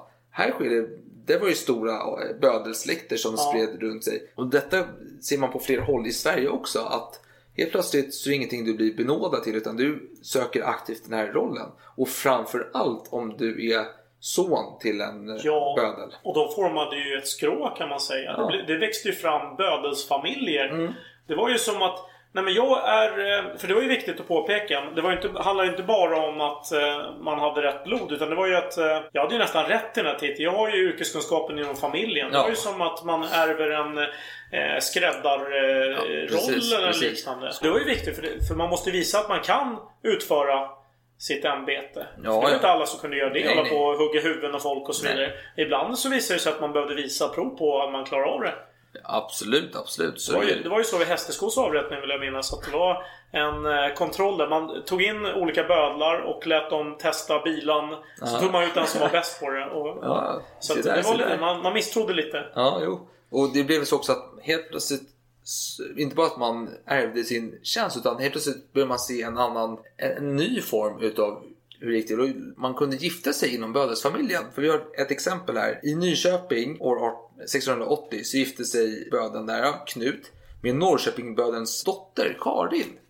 Och Karin flyttade då till Nyköping men ganska snart hade ju någonting skett där. Troligtvis hade bödeln i Nyköping dött, hennes man. Hon flyttade tillbaka till Norrköping och gifte sig då med den nya bödeln där. Man hade tagit efter hennes fars roll. Så kunde den här nya bödeln få sin tjänst. Att han gifte sig med den gamla bödelns dotter och ärvde då Just det. hennes faders Bödesämbetet. Det blev, en ämbete. natur, det blev lätt för alla. Det blev lätt för magistraten att bara utse en ny böde. För det var ju bara Ja. ärvdes. Det var ju bra för alla helt Ja. enkelt.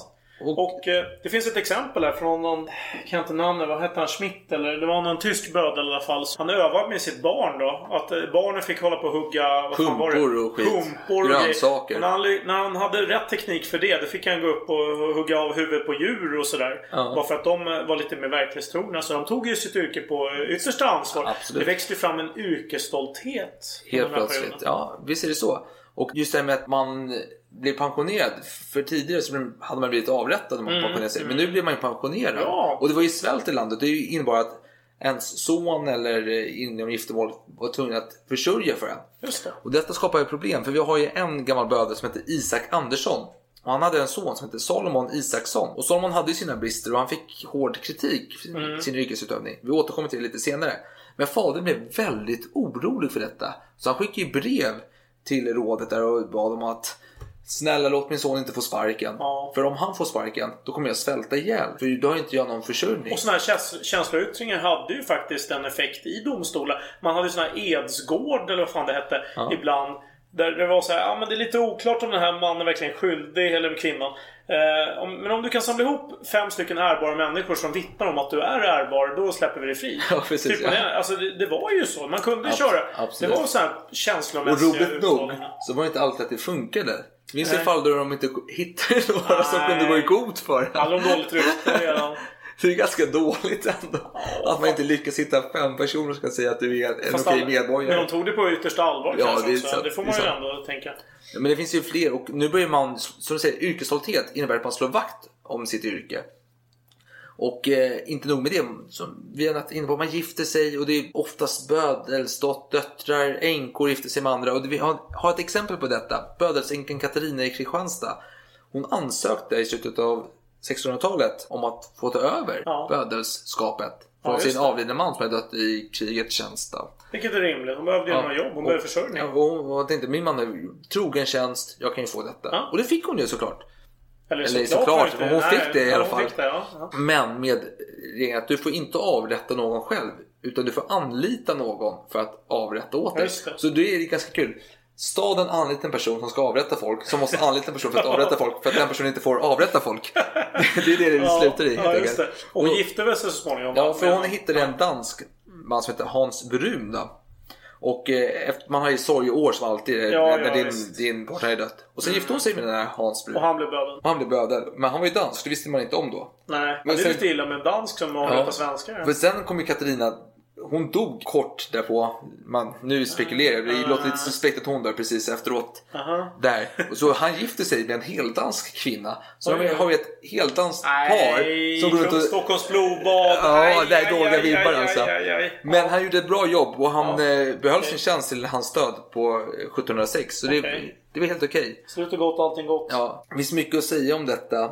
Men jag tänkte framförallt ta en historia om jag får. Okej? Ja, ja, ja. Om stoltheten i yrket. För i. Växjö så fanns det löskonan Kristin Löskonan, ja. Det, det var ju ganska illa skällsord här. Alltså, Ja, men det var alltså hon, hon var... Lössläppt kona, det vill säga en... eh, Ja, jag vet inte hur de... Nej men hon, det handlar om att du som vi nämnde ogift och hade barn. Ja, men en kona, är det verkligen att de Ja, har... Ja, okej. det är att de hade barn. Okej. Alright. Ja, det Kör är på det. Ja. Oftast i alla fall. Sen finns det undantag som bekräftar Jag kan tänka regeln. mig att det bara är ett allmänt skällsord Jo, men som man inte fast det står, när det står i domsböcker så måste det ju ofta svara att de är löskonor. De fick ju försvinna från kyrkans verksamhet ett tag också. Jo, om man straff. sig med en bödel kanske man automatiskt var en kona. Hon var i alla fall löskona. det, Hon heter det. Kristin Söfrids dotter. Men hon arbetade i alla fall som piga hos hustru Britte Yggers. Och på gatan i stan hade hon träffat den nyss avlidna bödelsdottern Malin. Och Malin hade med sig sin systerdotter som var sju år. Och den här löskonan hade en dotter också. Och hennes dotter stod på gatan och lekte med en trädolk. Och då kom den här eh, systerdottern då, eh, bödens dotterdotter, eh, blir barnbarn blir det. Och skulle ta den här dolken från eh, eh löskonan eh, Kristins barn. Men de började bråka om detta, det, det var inte kul. Man delar inte med sig hur som helst. Nej, det, det är en... Framförallt inte till en bödel som är i stan. Eller bödels barnbarn som är i stan. Det, det, Det är en gettofight helt enkelt. Ja, det var stort. Nej, men bara för att förenkla det hela. Det här med, med konor och Ja, ja. bödelsdöttrar hit och dit. Och eh, då började de skrika och ha sig. Och då kom ju den här Kristin som var löskona. Kom ihåg det, löskonan heter Kristin, bödelsdottern heter Malin. Kom Ja, ihåg det, för jag ja. får inte förklara det mer gånger. I alla fall. Och Kristin kom dit och försökte rycka ur eh, trädolken ur Malins systerdotter. Men den här systerdottern, hon var ju Bödels barnbarn. Hon är stark alltså. Hon håller emot den här jävla eh, löskonans eh, drag liksom. Hon har övat på pumpa ja, precis. Ja, ja. Så hon håller emot det liksom. Och då börjar den här äh, Kristin då börja ropa, skrika och ha sig. Och då kommer Malin då till platsen och äh, börjar skrika också. Och slår! För hon tar inte skit. Nej. Hon slår ju Kristin i ansiktet. Rallar... Riktigt rallarsving här. Och Malin, hon är en löskona. Hon tar inte heller skit. Nej. Så hon slår tillbaka. Så det blir ett vittne till det, det hela säger så här. Slagits och höll ett elakt larm. Och Malin börjar blöda i öronen. Och eh, nu eh, skulle Malin vittna om det hela som hade skett. Och hon sa att det var tvärtom. Eh, jag sprang dit till platsen och eh, den här Kristin slog mig på käften. Jag var oskyldig.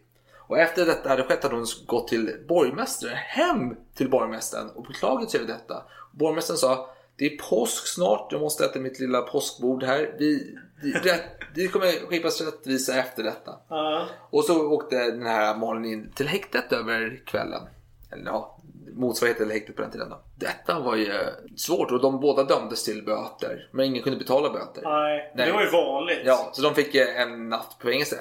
Men detta var inte allt som hade skett. Det hände ju fler saker. För hemma hos bödelsänkan då, alltså Malins mamma, så hade de hon besök av tre bödlar från olika städer runt om. Som var där för att samkväma lite. Ja, just det. Ja. Och eh, de var gifta med hennes döttrar helt enkelt. Och de fick ju höra detta. Ja, det var bödelklanen. Ja, De precis, det var här. De fick ju höra detta. De blev helt galna. Vet du. De bara rusar in. Sånt. Tänk dig de springer där från sin lilla bödelsehåla. Full fart in till löskonan Kristin här liksom. Det är allvarligt. Så här skrivs det då på den, eh, från då till källor. Det ovanbenämnda skarprätta folk gått med tvenne bössor och kvinnofolken med stuvor. Alltså störar, översättningen, Ja, i okej. händerna. Ja. Och de letar efter Kristin.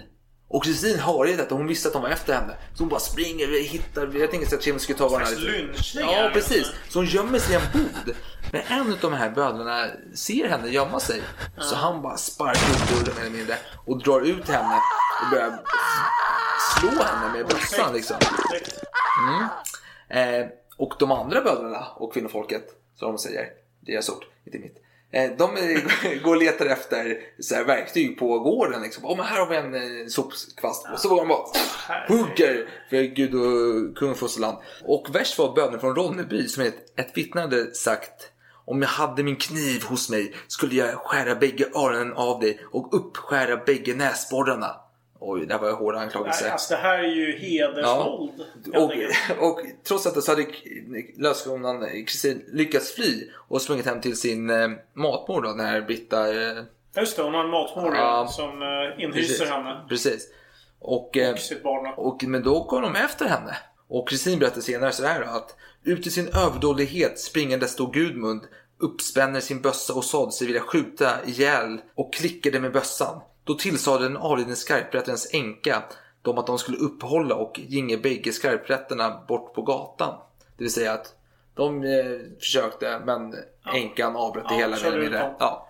Och då matmorden, hon, Britta, hon upp, upptäckte vad som skedde. Så hon sprang ut på gatan och frågade henne, vad fan håller ni på med liksom? Skärp er, vad gör ni? Och de skrek att hon var en kåkobra och För mig låter det som att när de äntligen fått en chans att revanschera sig mot eh, Mm. någon i samhället. Nu är det någon som förtryck, alltså, uttrycker en förolämpning mot det här Ja. bödelspersonen som Ja. ingår i det samhället. Så nu har de chans att hämnas. Precis. Utan att, eh, ja, att de, blir- huvudet ryker eftersom det ändå var en löskona det handlade om. Ja, precis. Och vad, hur tolkade bödlarna detta i förhör då? De nekar ju såklart. Detta har inte vi gjort. Nej, för fan. Det är inte, vi har inte hotat någon. Och de bad om förlåtelse och sa att efter det av öl och brännvin som de själv haft i sitt hus varit överlastade. Ja, det kan Så vi, vi, har, vi har en ny slogan. Överlastad historia. Jaha, när kom den in i bilden? Nu, överlastad. Nu, överlastad historia. Man är berusad alltså. Ja, överlastad. Du tror inte på den? Nej, vi, vi dumpar Jag den. gillar salongsbrusad. Ja, men, eh, vi, vi, kan fundera på det. ja, det vi- kanske blir vi nästa dumpar överlastad. Ja, Ja, vi väntar en säsong tror jag. Det blir karantän med det. Precis.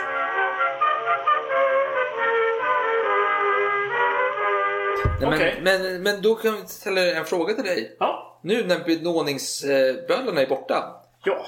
Av, blir det mindre kriminella bödlar då? Eh, jag skulle säga delvis. Delvis. Ja. Ja. En sak är säker. De har ju längre... De är i sitt ämbete en längre period än eh, benådningsbödlarna. Ja. I, I regel.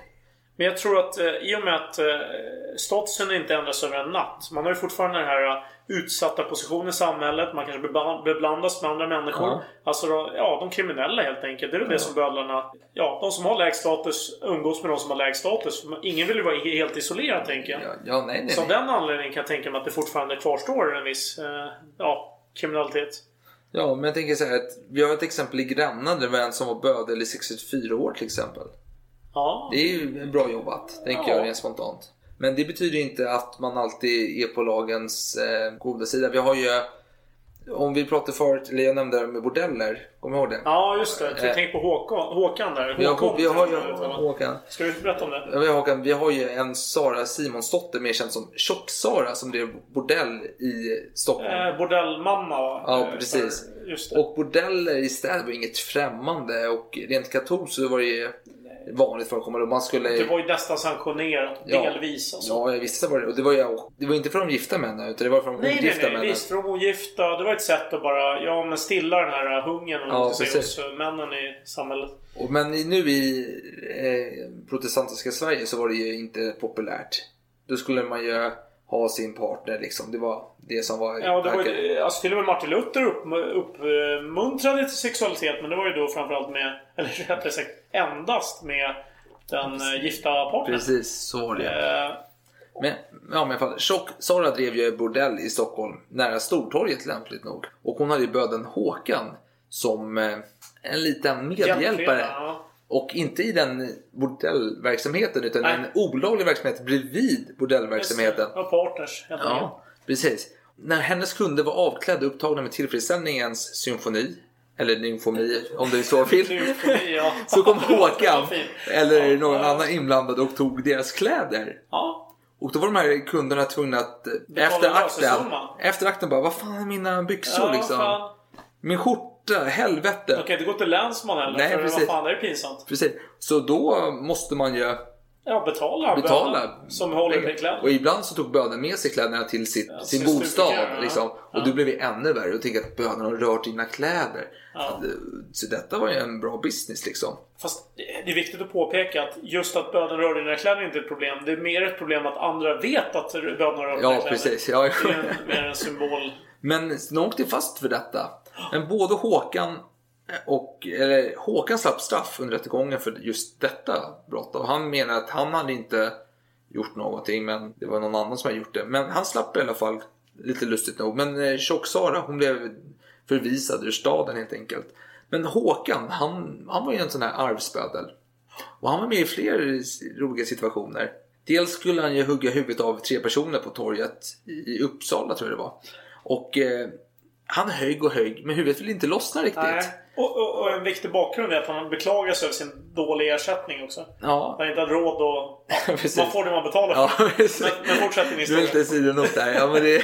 Ja. men, och han fördes då i förvar till Uppsala slott där, eller fängelset mer eller mindre.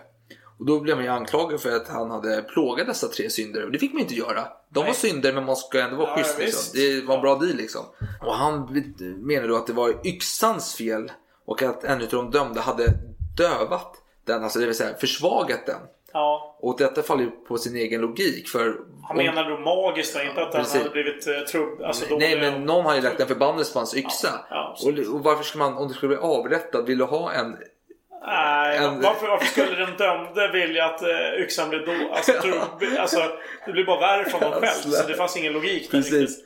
Men sen under natten så hade någon öppnat dörren och eh, denna Håkan kunde smita och han började röva och stjäla. Och det var en liten eh, historia med olika prostituerade som han mötte och som gav honom öl och så här, och han snodde grisar på eh, flykt och tog båtar och hit och dit. Då åkte han fast i alla fall. Och eh, då blev han anklagad att men du har ju stulit saker här också. Och han bara, nej men vad fan, jag var ju fattig. Det var bara för att överleva. Jag var ju tvungen att det. Jag har bara lånat den här båten. Okej, den är sjönk. Okej. Mm, och grisen, visst jag stal den. Ja. Det var ju bara för att Åt- mätta min åt, hunger. åt, åt upp det, men det är inte stöld. Det Ja. fanns ju någon, någon... Man hade lättat lite på lagen där. Att jo, men när det gällde just bara för att överleva natten, liksom att äta lite mat bara för att inte svälta ihjäl. Mm. Då var det mer okej. Så det var ju kryphål. Ja, och rådsugan, det var ju fullt med folk i rådsugan när detta för ja, och även utanför. Och eh, domarna de var lite såhär, ja hur ska vi döma här liksom? Mm. Så drog man ut Håkan och då var ju folk där och han blev helt galen plötsligt började kasta sten på åskådarna. Och domarna på, på stående fot bara, nej men han ska... Han- vi, dö, vi dömer honom således till galge och giren. Ja, precis. Det var på väg att benåda honom kanske. Men sen bara, vad vad fan håller han på med? Han är galen! Nu blir fan galge och gren för det här alltså. Ingen snack. Ja. Mm. Nej men det här med eh, misslyckade avrättningar Ja. som Håkan var expert på. Det finns ju lite andra lirare som Mm. också är bra på att vara dåliga helt enkelt. Ja, Vi har ju helt enkelt en... eh, Från Åland va, eller? Ja, honom? jag tänker nej, på honom. Nej. nej, jag tänker inte på honom. Jag, Tänk på Olof. Nej, men tänk, jag, Nej, jag tänker okej. på... Kommer du ihåg att vi nämnde Solomon Isaksson? Hans pappa var lite orolig för här, Mm. Ja, att han skulle det. dö om hans son fick sparken. Ja, Han var ju alltså en eh, ja då. Som har och den på. 29 april 1693 skulle han avrätta en 20-årig tidelags Tidelagare då? Vid- namn Kristoffer Larsson. Jag tänker vi kan kalla honom för eh, Tidelagskrille. Det låter bra. Det låter Det är bra bra. Tidelagskrille Ja, då. ja, ja. Och det var i närheten av Vreta kloster kyrka i Östergötland. Och eh, Tidelagskrille, han var samlad och lugn. Han, han hade accepterat sitt öde. Ja. Och han la sig på stupstocken och väntade på sitt öde helt enkelt. Då. Men Salomon, han var lite eh, dålig klen byggd. Var han full också? Han var lite strångsberusad skulle jag Det var säga. många bödlar som var det. Ja. Men och, och han, han hade kanske inte sin bästa dag på jobbet där. Nej. För eh, först skulle han binda ögonen på den- denna tidlagskrille då. Och detta tog en evighet. Alltså han fick inte till riktigt. Och när han var väl klar med detta så skulle han dock knäppa upp knapparna på eh, Krilles eh, skjorta då och blotta nacken. Ja. Det måste man göra för man ska ha ett bra hugg där liksom. Och detta tog också en mindre evighet. Och detta, tänk dig, du- tidlagskrille är ju samlad där. Och detta tar ju tid, man vill ju ha det snabbt överstökat. Du kan inte hålla på... och... Det, det är Han känner jobbigt som liksom. att Ja. bli kossan här. Så. Nej. Ah, nej, men nu var det dags att i alla fall eh, sära på eh, huvudet från kroppen då. Och Salomon tog sin yxa och laddade upp hugg. Men han missade nacken och träffade istället strax ovanför axlarna. Och hugget var inte speciellt djupt, det var någon centimeter djupt Alltså, kanske. vad är det för killar sen? Ja. Och, och Salomon... De gymmar lite. Men, men han ger ju inte upp liksom. Utan han börjar såga med sin yxa. I i sår han har skapat och Krille i Tidlagskrille börjar skrika för sjukvårdsland där. Och det är ont och han är inte dött och hela skiten liksom. Och länsmannen börjar skrika till bönen att han ska sluta martera, det vill säga plåga eh, Krille och istället tugga på nytt. Och så Salomon är stressad här. Han sågar, sågar och drar upp sin yxa och bara ja, ja, och hugger igen. Och denna gång fullträff! Bingo! Eller inte. Han träffade nacken, det gjorde han. Men det var fortfarande cirka en cen- centimeter djupt. Jag tänker mig en 80-årig stackars tant som försöker halshugga någon. Så han lyckades inte. Nej. Och allmogen, pöbeln som såg på, de blev förbannade och krävde tillstånd för att få stena bödeln. Jaha. Eh, De skrek åt honom och vet, de blev upprörda, men de fick inte det. Nej. Eh, Men det blev jävligt hätsk stämning i alla fall och de var jävligt förbannade helt enkelt. Och Salomon tog yxan och högg igen och han högg igen, igen, igen, igen, igen.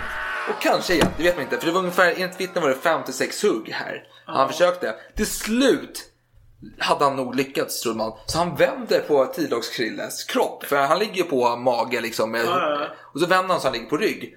Men då andas och suckar. Tidlagskrille. Ja, han, han, lever fortfarande. Och länsman börjar ropa så Skär halsen av Kristoffer! För slut på detta jävla fars liksom. Han är helt, eh, ja, inte ordagrant då, men eh, en modern tolkning då. Ja. Och Salomon, eh, den här gjorde ju som han blev tillsagd. Så han tog en kniv och skär av Ja, ja, halsen. Och äntligen var det över. Oj. Men inte riktigt, för tidelag. Det man var rädd för det var att djuret skulle föda någon avkomling, satans avkomling Ja, här. visst. Och då måste man ju ta djuret som man har Ja, man eh, man befruktat djuret. eller... eh, Ja, Då absolut. ska den vara... Eller befruktat vet jag inte Ja, gjort det, eh, men... ja, ja, jag förstår vad du menar. Jag tror de flesta förstår. vad du menar. Förgripit sig på. Ja. Och eh, denna eh, slakt utav eh, djuret blev också ett samma liknande fiasko. Så han lyckades inte Oj. riktigt heller här. Och så... eh, Ja, han skulle slakta djuret också. Ja. Jag tror, ja, i och för sig. Man bränner djur, men man kanske hugger Ja, huvudet av det ja. Mm. innan. Ja, det har inte jag koll på. Ja, okej. Var Så. Länsman och Tidlagskrilles släktingar ville få honom avstängd från sin tjänst.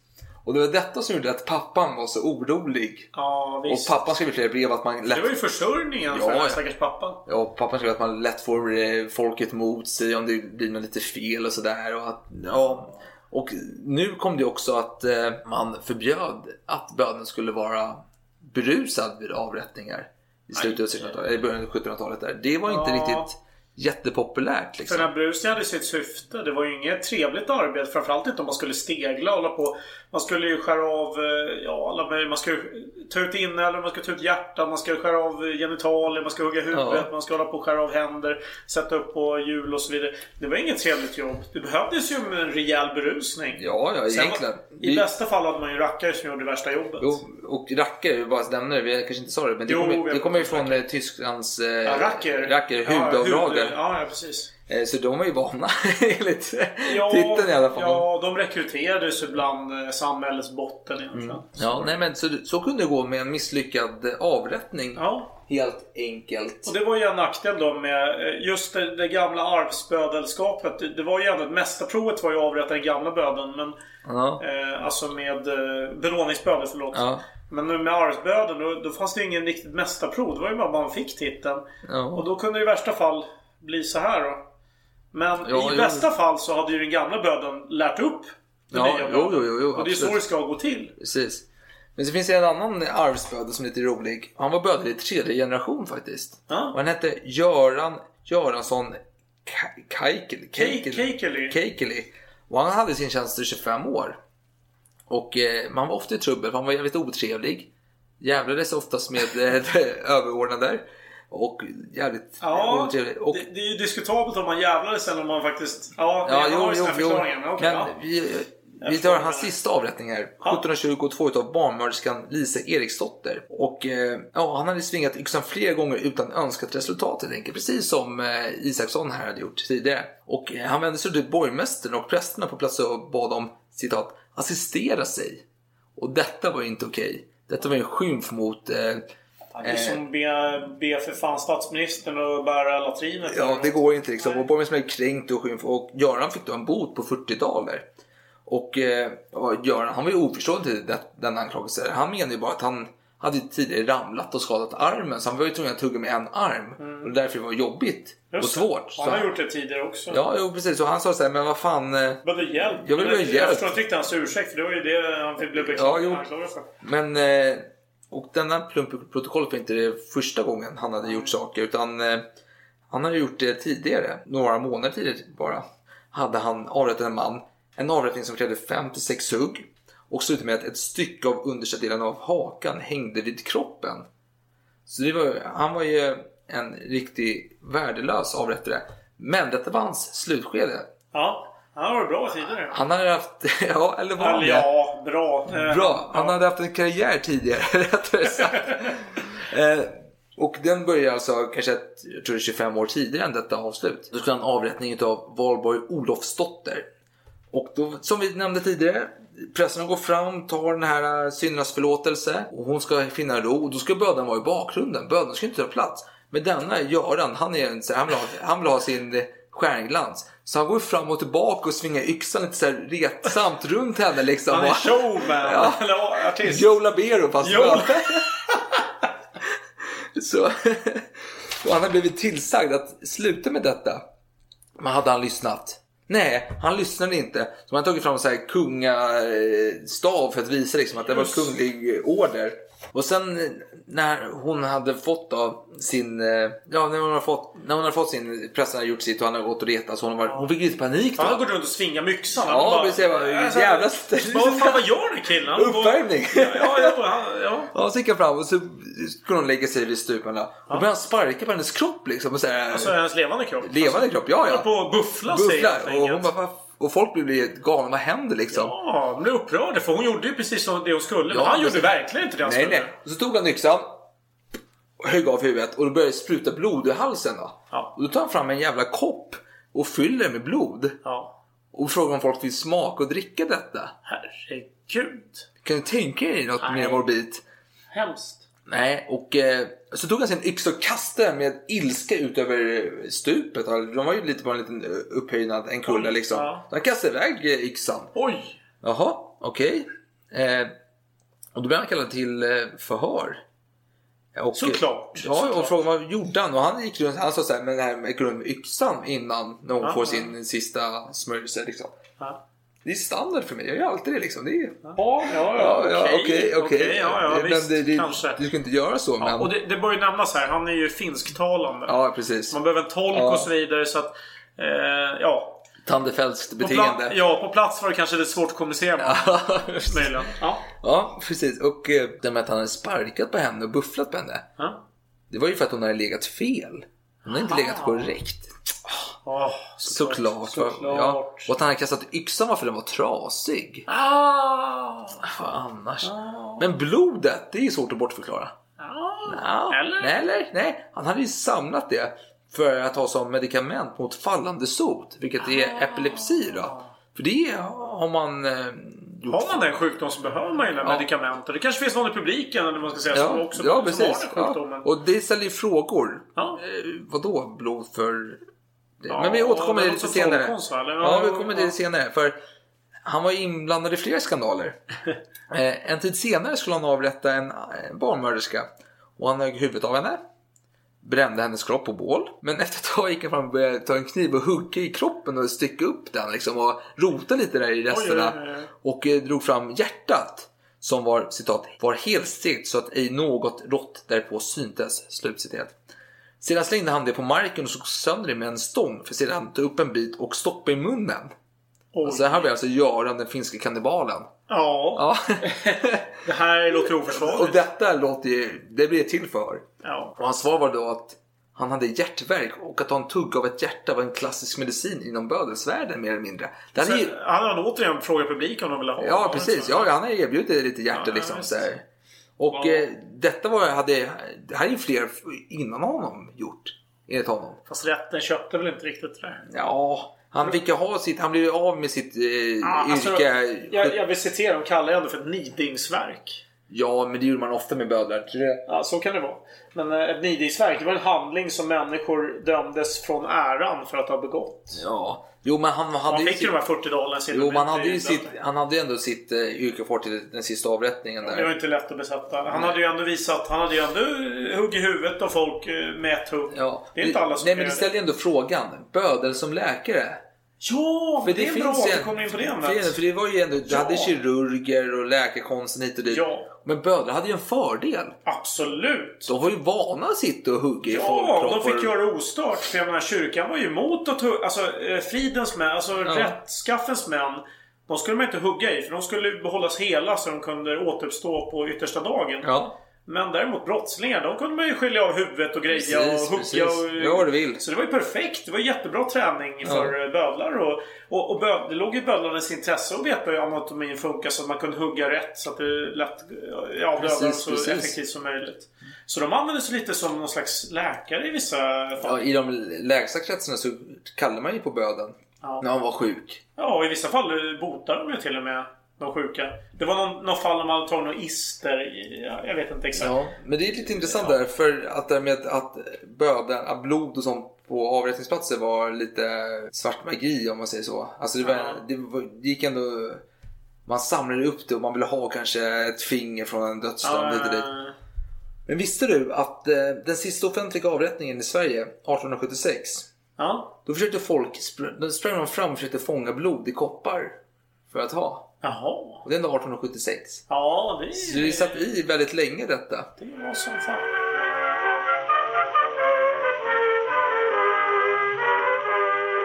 Men så, jag har en fråga till dig. Jag tänker på kvinnor och dödsstraff. Ja. Blev de hängda? Nej, det gör de inte. Eller ja, det hände. Det, det var, finns några få fall. Ja, framförallt i England vet du när man eh, band fast eh, kjolen Ja, det var det jag tänkte säga. Och det hade att göra med att eh, hängde man någon så var det lätt att skåda under kjolen till exempel på en kvinna. Så det var ju någonting som var nästan värre då. Ja. Så då, då fick man hitta några alternativ. I vissa fall så var det att man fick eh, döma dem till svärdet, det vill säga Aha. halshuggning. Men i andra fall eh, till att eh, bli levande begravda. Det är mer humant. Det är ju, nej, det är det verkligen inte. Jag skulle, å andra sidan, den här hängningen, den klassiska hängningen är inte heller trevlig. Fast levande begravd skulle jag se. Ja, nej, det är har lite mig. Ja, det, det låter lite väl. Men, nej, men oftast i svärdet tror jag, kvinnor. ja, jo, jo, det var det vanligaste. Ja. Men jag tänkte på en sak. Det är mycket Ja. fransmän som verkar åka runt i Sverige under Ja, de blir ju 1600-talets... chockade, de eh. Och de får, eller 17... Det här är Ah, faktiskt 1600-tal var det väl? 1600-tal, men jag har faktiskt en historia från 1700-talet där en eh, fransman vid namn Lamotré som reste runt i Sverige och han bevittnade en avrättning i Stockholm år 1719. då. Och Denna avrättning var mycket skickligt utförd Oj. och eh, Lamotré berättade då att den här bödens historia och hur han fick jobbet. Och det var så här då. Han hade varit, böden hade varit uppvuxen i Småland och hade som liten pojke med sina vänner bevittnat eller talat om en avrättning. Och de hade gått till platsen och efteråt så hade de gått tillbaka och lekt avrättning. Och någon skulle vara präst, någon skulle vara gärningsman och den tredje skulle vara bödel. Och den här personen, den pojken, han sa att jag kan vara bödel, jag kan vara bödel. Och så de andra två, hans vänner, en blev präst och en blev gärningsman. Och så gick den här gärningsmannen då i leken, gick hem till sin mamma och sa oh, jag ska dö snart liksom. Det är, jag leker en lek, jag behöver mina finaste kläder. Mamma bara ho, ho, ho, ho, vad roligt, Galina, vad roligt. Spring och lek, spring och lek. Och så hade de eh, lekt så hade han fått sin dom då, eller allt det där, hela kittet, fått sin smörjelse. ja. Och då hade ju den här lilla pojken då, som var bödel, han hade hittat en liten eh, vedyxa. Och eh, citat, med ett enda hugg högg huvudet av den gosse som föreställde missdådaren. Och då var det en vuxen som hade sett detta och han sprang till platsen och bara stoppade allt. Vad händer? Vad händer? Oh, sluta, sluta. Ja, Jag ska inte skratta åt det här, men det låter som en skröna. Ja, jo, och den lilla pojken då, han eh, som hade lekt bödel, han fick eh, sättas i förvar och sk- skriver då att då man fann honom alltför ung och alltför okunnig för att stå till svars för det han hade gjort och umgälla det med döden dömde man honom till att när han blev myndig utöva det yrket i vilket han redan gjort sina första lärospån. Han har nu utövat det i 18 eller 20 år med oförliknlig skicklighet och försäkrar man mig alltid avhugget huvudet med ett enda hugg. Ja, ja. Och detta faller lite på sin egen rimlighet för det är ändå 1700-talet eh, Ja. mitt, och han har haft det, så säg, haft det, vad står det, 17-18 år, eller 18 till 20 år. Alltså han fick yrket slutet av 1600-talet, 1698 någonstans där. Och då var det ju arvsbödelskapet Ja. väl utbrett och det var med tanke på hur många barn de här bödlarna fick Jo. och hur många Och rackarna, det var bödeltjänster. inte bara bödlarna som kunde ta yrken. Det kunde Nej. vara rackarna Precis. också som kunde Mm. överta yrken. Så det fanns ju en stor eh, bas. Det Så det. det, är troligen en skröna som du säger. Jo, men det är en visst. ganska skön skröna. Ja, jo, det kan man tillstå. Men jag tänkte, vi har ju pratat mycket om eh, bödelskapet och dess eh, status. Att man var inte man var föraktad om man säger så. Man var Ja. lägst stående. Man ville inte kännas vid böden. Och om man gjorde det så kände man bara ja, obehagligt. Ja. Obehagskänsla. Och det finns ett litet fall som eh, visar lite på den här obehagskänslan. Och det har inte så mycket med bödlar att göra, förutom att det visar på synen på bödlar. Det är så här, det handlar om ett fallet mot Anders Bengtsson i Stockholm. Anders, han, var, han har gått och lagt sig för kvällen. Paradise Hotel var slut och sånt där. Han har gått och lagt sig och få sina timmars sömn här. Och han hade en massa oljud från taket. Så han upptäckte att det var hans söner som låg där och brottades och hade lite roligt tillsammans. Och Anders då, han rusar upp till taket för att få tag i sönerna. Och eh, han började misshandla dem med ett vedträ helt enkelt. Jaha. Och ett vittne springer till honom. Anders ropar "Ah, sluta, sluta. Men Anders han blir bara mer och mer arg så han slår och slår och slår och slår vidare. Han, han, han kör ju riktigt. Bödels, eh, Ja, ja, nästan. Ja. Ja. Och eh, båda pojkarna dog ju utav, till följd av detta. Och i rätten så hävdar ju Anders så att han nog måste få näpsa mitt barn när det gör dumheter. Ja, och det, det sjuka, eller ja, jag vet inte. Det, det var ju förmildrande omständigheter. Ja, fast det är inte enligt rätten. Nähä. För de höll inte med om att det var ett näpsigt barn som Anders hade sysslat med under denna kväll. Det han gjorde hade varit helt oskäligt och, och okristligt tillgånget. Absolut, men han, han fick ju slå sina barn. Men han fick ju Jo, inte ja, nej, det ta här var till en jävla eh, vedträ i huvudet eller vad han nu gjorde. Det, det Nej, ju... och flera slag som dog. Nej, nej. Så fortsätter de med att han icke så som en fader eller styvfader näpst agat som en okristen man och tyrann honom mördligen ihjäl slagit. Så han hade ju gått över sin Ja, ja, farliga roll. Han hade blivit en tyrann och mördare här. Ja. Det är inte, det är inte okej. Och den här, Anders var ju en våldsam man till naturen. Han har ju tidigare dödat eh, en annan man i underbråk med en eh, knävelspjut helt enkelt. Och dödat sin dräng han har slagit ihjäl också. Låter lite som Gustav Vasas pappa här. Mer eller mindre. Ja, jo, han är ju en Jo, intressant person. men sen han har inte, man har inte, dessa brott har inte blivit, han har inte fått någon dom för detta brott än. Och så här skedde detta då. Och eh, ja, vad har detta med bödlar att göra, tänker du då? Jo, det kan jag svara dig. För domaren skriver så här i sin dom. Den stora tyranniska handel och omänsklig övermod som han emot sitt eget barn haver bedrivit ut i det att han det icke såsom fader kristligen och tillbörligen haver näpst till bättring utan såsom en bödel okristligen emot all naturlig kärlek tålamod och medlidande ynkligen och jämligen det tagit av daga och inte sig nöjd låtit. När var domen ifrån? Bara? Det är lite oklart. Ja. Det är under 1500-talets slut. Det är fem, 1500-talets slut, Ja, det? ja. Jaha. Ja, Ah. och han dömdes då till jul och stegel. Och för hur jag vet att det är 1500-talets slut, det är för det är Johan III som fastställer domen. Och han var ju kung mellan 68 och 92 där. Och eh, där beskrivs då hur det ska gå till denna jul och stegling. Handen huggas av honom. Därnäst slås både skenbenen av med järnstång. Sedan både låren ovan och nedan knäna. Därefter både armarna och ovan och nedan armbågen. Därefter slås rygg och bröst sönder och på sistone hygges honom huvudet av. Kroppen ut ett stycke skall sättas på stegel och huvudet för sig självt på en stake något högre än kroppen och handen under huvudet. Det man hade tänkt sig liksom. Jaha. Ja, nej, men jag känner, jag känner att vi kanske ska gå börja prata om eh, bödelskapets slut här. Det tycker jag också. Ja, för allt eftersom så blir det ju mer... Du får ju en högre status under 1800-talet. Du får en eh, direkt... Ja, någon slags yrkesstolthet Ja. växer fram. Det var ju till och med så att den sista böden i Sverige. Ja, Han hade ju en stolt en skylt på sitt, i sitt hem där Ja. det stod att han var skarprättare. Ja, han bor på Sankt Eriksgatan i Stockholm. Ja, det finns en anekdot om att han, eh, hans son Mm. Eller en anekdot, det är han själv som har skrivit som jag förstått det rätt. Eh, Han berättar om sin barndom i alla fall på 1890-talet. Att han var ute med sina föräldrar vid Hötorget i Stockholm. Ja. Då hade han hört två kvinnor samtala med varandra. Och den ena frågade den andra om hon visste vem det var som gick där framme. Ja. Och då hade hon sagt nej. Och, och då sa han, jo men det är skarprättaren, svarade den andra kvinnan. Va, vad, vad är det för en? Tänkte Ja. den ena kvinnan. Ja men det är han som hugger huvudet av folk vet jag. Då sa kvinnan, kors. Och en sån får gå lös. Det fick han och han var stolt. Ja. Och det var ju så att folk, jag vet att hans första avrättning, han blev ju tillsatt i tjänsten 1885 och snart fick han ju hela eh, Sverige som eh, kundbas mer eller mindre. Och hans första avrättning var 1890, då var Anna Månsdotter känd från Yngsjömordet då.